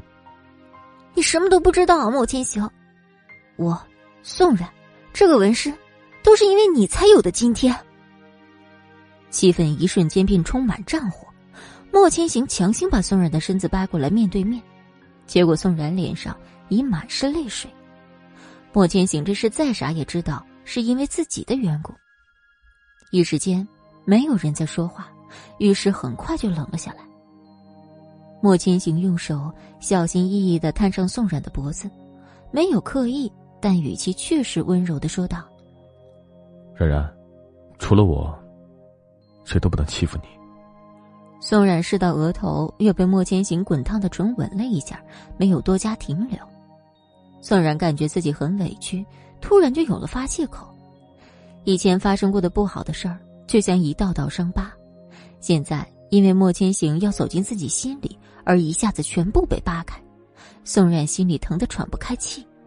他肩膀颤抖，无声的眼泪更是流得让莫千行心疼不已。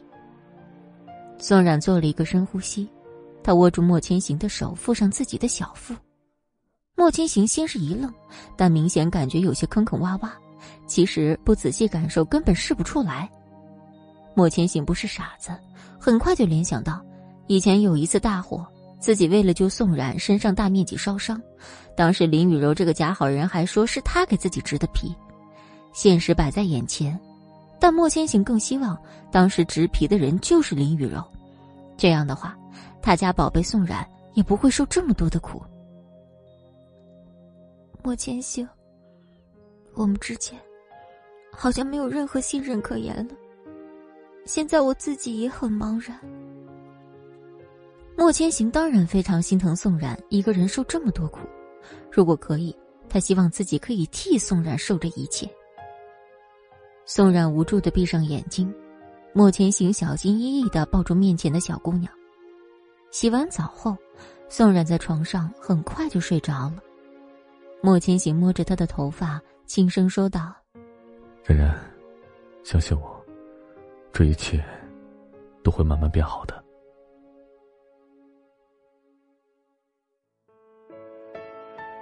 一十八集。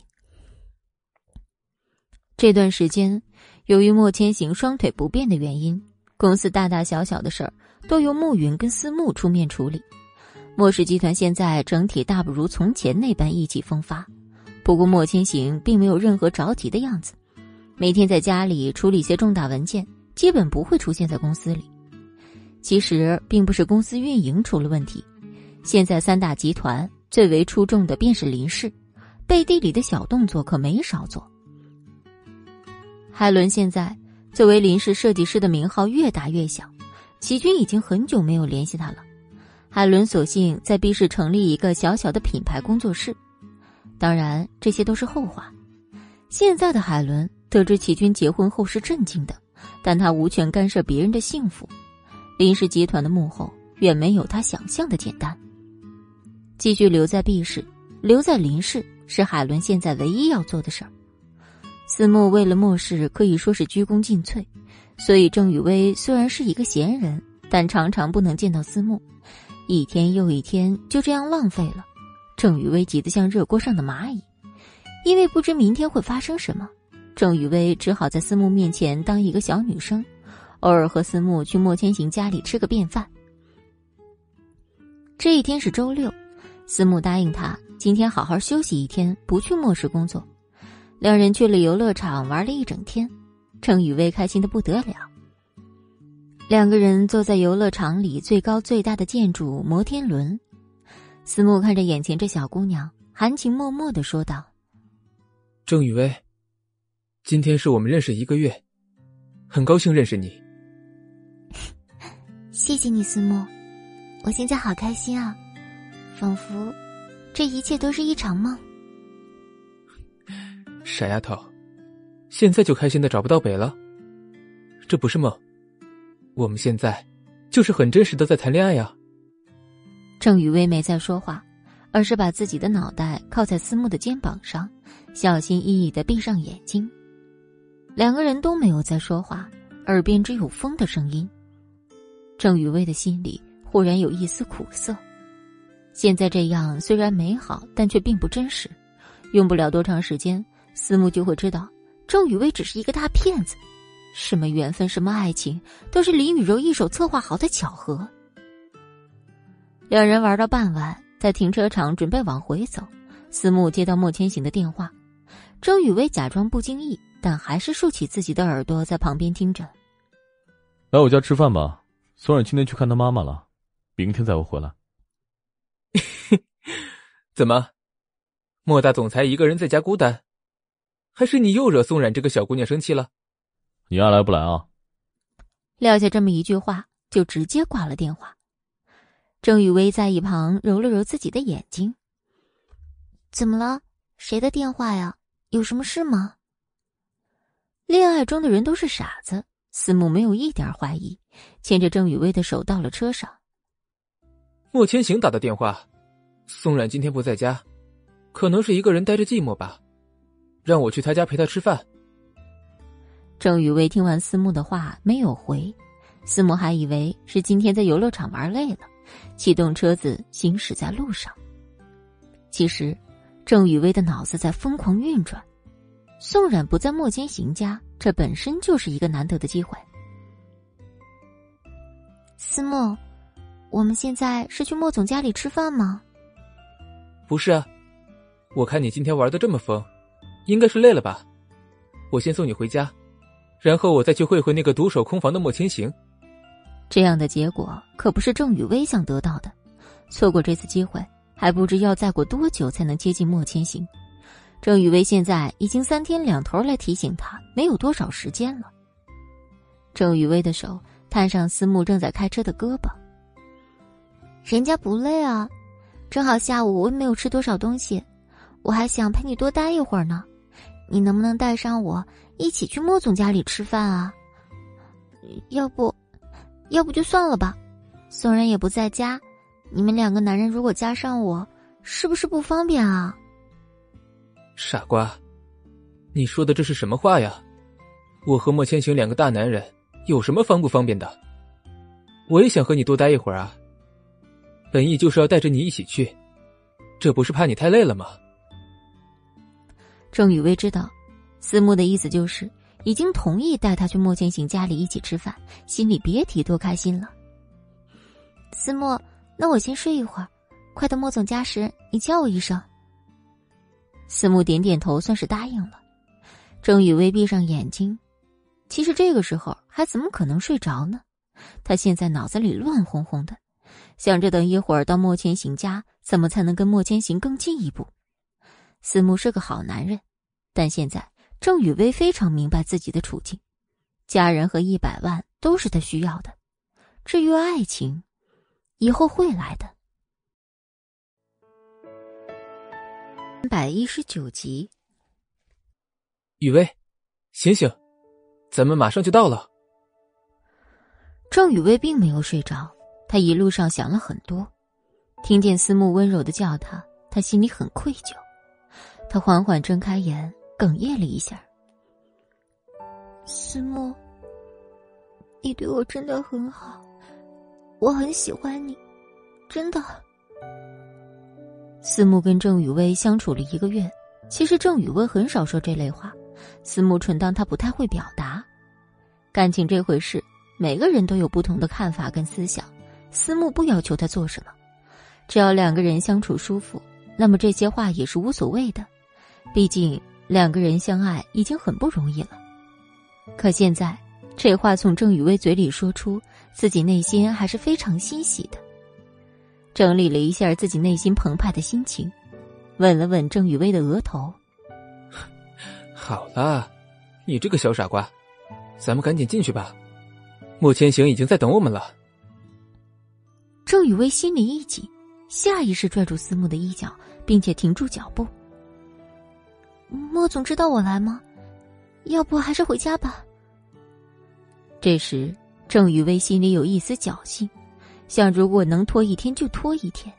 思慕真的太好了，相比之下，她只是一个拿钱办事的坏女人。没等郑雨薇有抉择，思慕已经牵着她的手进了莫家大院。王妈向前迎过来：“思慕先生，郑小姐，莫总在书房。”我现在就上去叫他。思慕点点头，自顾自的坐在客厅的沙发上玩起手机。楼上的莫千行正玩弄着宋冉的头发，王妈的声音在书房外响起：“莫总，思慕先生带着郑小姐已经到了客厅了。”宋冉跟莫千行相视一笑：“好，我马上就下去。”王妈下楼传达完莫千行的意思。就去厨房开始端今天晚上的晚饭。莫千行说马上下楼，但现在依然没有要走的意思。宋然拿起手机看了看时间。千行，你现在还不下去吗？怎么，宋冉小姐现在是着急着想把我往别的女人怀里推吗？莫总是饥不择食的人吗？两人这是和好了，话语中充满了打情骂俏的意思。宋冉说不过莫千行，只好亲自动手把莫千行往外面推。莫千行没有再次调戏宋冉，整理好自己的衣着就下楼了。郑雨薇刚走到餐桌前准备坐下，抬头就看见穿着正装的莫千行正在缓缓下楼。思慕正在客厅的沙发上打着游戏，听见楼上的动静就吐槽说：“莫大总裁整天日理万机，小的在此已经恭候多时了。”莫千行丝毫不在意思慕话语中的抱怨，他看了郑雨薇一眼，这破天荒的一眼，郑雨薇的心就漏了一拍。莫千行看着郑雨薇现在这样，和平时喜欢他的那些女人有什么区别？郑雨薇赶紧坐下，之后就没再看莫千行了。他眼珠子滴溜转了好几圈，估计又在想着接下来该怎么办。莫千行主人架势十足，不知道是不是故意的，就坐在郑雨薇对面。郑雨薇上染的嘴角，莫千行看着反感极了，他只好默默瞥了一眼打游戏的思慕，在心里心疼他一秒。这个女人算是完蛋了。宋冉在楼上也没闲着，他打电话给慕云，叮嘱一些事情以后，就安心在书房里面看书。接下来的事儿。就要靠莫千行了。整件事儿都被蒙在鼓里的思慕，为了安慰独自在家的莫千行，主动提起要喝酒助兴。郑雨薇现在心里已经完全没有了思慕。当莫千行出现时，郑雨薇才知道什么是人格魅力。只不过现在思慕在这儿，那郑雨薇还没有办法进行下一步。多数的时间是思慕一个人在说些乱七八糟的琐事，莫千行偶尔应和一声。其他的时间，莫千行就是端着自己的酒杯喝上几口，脸上很快有了红晕。郑雨薇与其说偷看莫千行，还不如说光明正大、直勾勾的看着。思慕没喝多少酒，但是几分钟前接了一个电话，现在正在手机上疯狂的回复。公司明天要上新的设计图被披露，嫌疑人还没抓到。这订单是思慕一直紧跟的一个项目。虽然算不上多大的金钱利润，可这个订单是莫千行开拓新市场用的。思慕没用多久就皱起眉，本来吃饭喝酒的兴致瞬间被一盆突如其来的冰水浇灭。这时，郑雨薇跟思慕都没有注意到，莫千行在思慕接起电话时微微上扬的嘴角。郑雨薇都没注意到思慕的变化，倒是莫千行适当的开口：“公司的事情还是私人的事情？”我的助理出了点事，非让我去救急。这对郑雨薇来说是一个天大的好消息，她才不在意思慕说的话是真是假。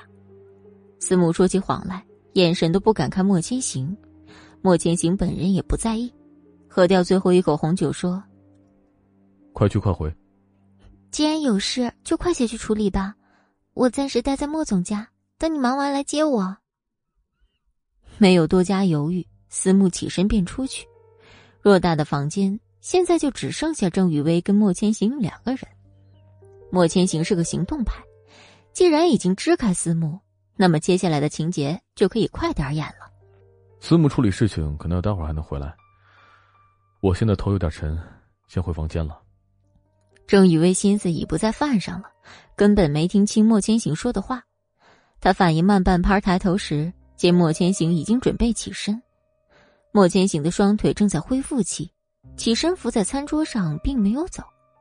郑雨薇给自己心里打了个气，小步快速走向前，伸出自己的手扶在莫千行的胳膊上。莫总，现在的腿还在恢复当中，我来扶你吧。莫千行心里很反感郑雨薇的肢体接触，但现在毕竟是特殊情况，只好忍受肢体接触的反应。让郑雨薇扶自己上了楼。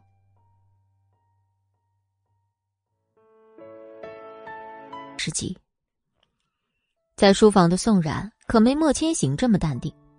自从把莫千行推出去以后，他就紧张的开始啃指甲，可怜的手指甲就这样在今晚被宋冉给摧残了。坐也坐不住，只好间隔不了几分就起床，在书房里来回踱步一会儿。煎熬的时间总是过得很慢。宋冉的心里七上八下。宋冉忍住自己想探头去楼下饭厅看的想法，现在要做的就是静观其变。自己只好安慰自己，他是在担心那个被大家蒙在鼓里的思慕，才不是担心那个用美人计的莫千行。想到这儿，他不禁扶起郑雨薇那女人楚楚可怜的脸。以林雨柔的眼光，既然选中了郑雨薇，那么肯定有她的理由。单从面上来看，是一个干干净净的小姑娘，跟人相处的感觉也很舒服。仔细想想，如果推断没错的话，这孩子像极了自己，所以这也就是为什么思慕带她回墨家，自己一上来就感觉很亲切的原因。宋冉又觉得，自己的推断不符合逻辑。莫千行那个人喜怒无常，就算是喜欢自己，也是五年前的事儿。现在的莫千行不会再喜欢他了。可是如果这样想，宋冉又觉得自己心里闷闷的。莫千行不喜欢他，那一次次的靠近是为了什么？想到自己的父亲，宋冉只好打消自己的念头。自己已经很久没有通过那个隐藏的小手机跟祁连宗联系，也不知道祁连宗现在还有没有继续帮自己找到证明自己父亲清白的证据。而莫千行呢，他现在没把自身的重量放在郑雨薇身上，但郑雨薇的身上还是出了些汗，他心里非常紧张。此刻宋冉不在家，司慕有事去处理，旁边是已经微醉的莫千行。天时地利人和也不过如此。楼梯很快就上完了，郑雨薇的心里也已经有了自己的决定，把握好现在，那么一切就都顺理成章。叮的一声，宋冉的思绪被推门声拉回现实，他迅速反应过来，放低自己的声音，从书房的椅子上弹起，趴在书房的门上，他时刻探起自己的耳朵，听着外面的动静。这声音一听就是推门的声音，这有可能是莫千行把郑雨薇带到楼上。想到这儿，宋冉就有些生气。莫千行这美男计在楼下施展不开，怎么还把郑雨薇带上了楼上？难道这是要假戏真做？他脑海里不禁幻想了种种可能，自己都没注意到，自己的小手早已握成一个拳头，很明显是吃醋了。推开卧室的门。郑雨薇抬头，映入眼帘的是极简的黑白灰调子。房间里的设施像极了莫千行这个人应有的作风。莫千行微微眯着眼，打量着郑雨薇。郑雨薇的心跳越来越快，他知道现在是最好的机会，这一次会成就他所有想要得到的东西。而且莫千行多金又有颜，自己怎么都不亏。莫总。你喝多了，来，我扶你在这边坐下。郑雨薇扶着莫千行到了床边，莫千行刚想说话，郑雨薇就牵着他的手附上自己丰满的胸部，不自觉的发出令人难耐的声音。莫千行其实心里一惊，他没想到郑雨薇会如此直接用这个方法。不过莫千行这人在宋冉不在的那五年里，禁欲的像一个和尚。也有不少合作方和各种对手往他床上送女人，他都眼睛不带眨一下的就把这些女人给扔出去。虽然他现在喝点酒，但根本不会醉，更不会因为眼前这女人像宋冉就饥不择食。这一切都是演的戏罢了。郑小姐，你这是干什么？司慕现在是有事先处理了，一会儿就回来接你回家的。说完这些话，正好顺势甩开自己的手。郑雨薇看莫千行这种反应，并不觉得有什么反常。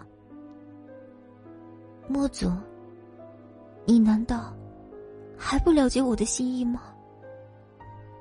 莫千行轻佻的勾起郑雨薇的下巴。哦，思慕算是什么呀？郑雨薇看莫千行对他起了兴趣，便利用自己的身体使劲往他身上靠。我知道，凭我自己。肯定见不到莫总你啊，思慕只是我们相遇的一个机会，你放心，我什么都没跟他做。如果可以的话，莫总，你现在就可以检查一下。莫千行看着眼前这个心机女，身体现在已经厌恶到了极点，但无论是样子还是说话动作，都像是翻版的宋冉，这让莫千行开口说了话：“你长得很像一个人呢。”郑雨薇还以为自己成功了一大半，手指攀上莫千行的肩膀，半推半就。莫总指的，是像你的情妇宋冉吗？他有什么好的？老是跟你吵架，惹你生气。话还没说完，莫千行已经没有醉酒的样子，他身上的气场一下子全部释放出来，他干脆利落的把郑雨薇推下了床。本来还想再跟他周旋一会儿，可是这郑雨薇满嘴废话，想必也没有什么信息想知道了。他本就烦他。可郑雨薇好巧不巧的说宋冉不好，这就触到了莫千行的逆鳞。郑雨薇脸色大变，大脑一片空白，一时不知该说什么才能让莫千行放他一马。滚去客厅等着。留下这句话，莫千行就转身离开了卧室。郑雨薇瘫在地上，上一秒还在为自己的前途感到开心，下一秒却被莫千行推到了地狱的门口。他闭上眼，流下无声的眼泪，起身拖着自己沉重的步伐，慢吞吞的往楼下走。一步错，步步错，他现在心如死灰，这下是真的栽了。莫千行走出卧室，直奔书房。宋冉听见开门声，还没来得及从门后撤回，莫千行就直接推门进来。哎呦，莫千行，我还在门后面呢。宋冉气急败坏的声音在门后响起，莫千行赶紧把他从门后拽出来，担心的拉着他的胳膊。自己明明担心的不行，可到嘴里话却变成：“宋冉，你是有病吗？站在门后面。”莫千行，我看你是有病吧。莫千行看得气得呲牙咧嘴的宋冉，忽然也就没那么担心他了。看样子这战斗力十足啊。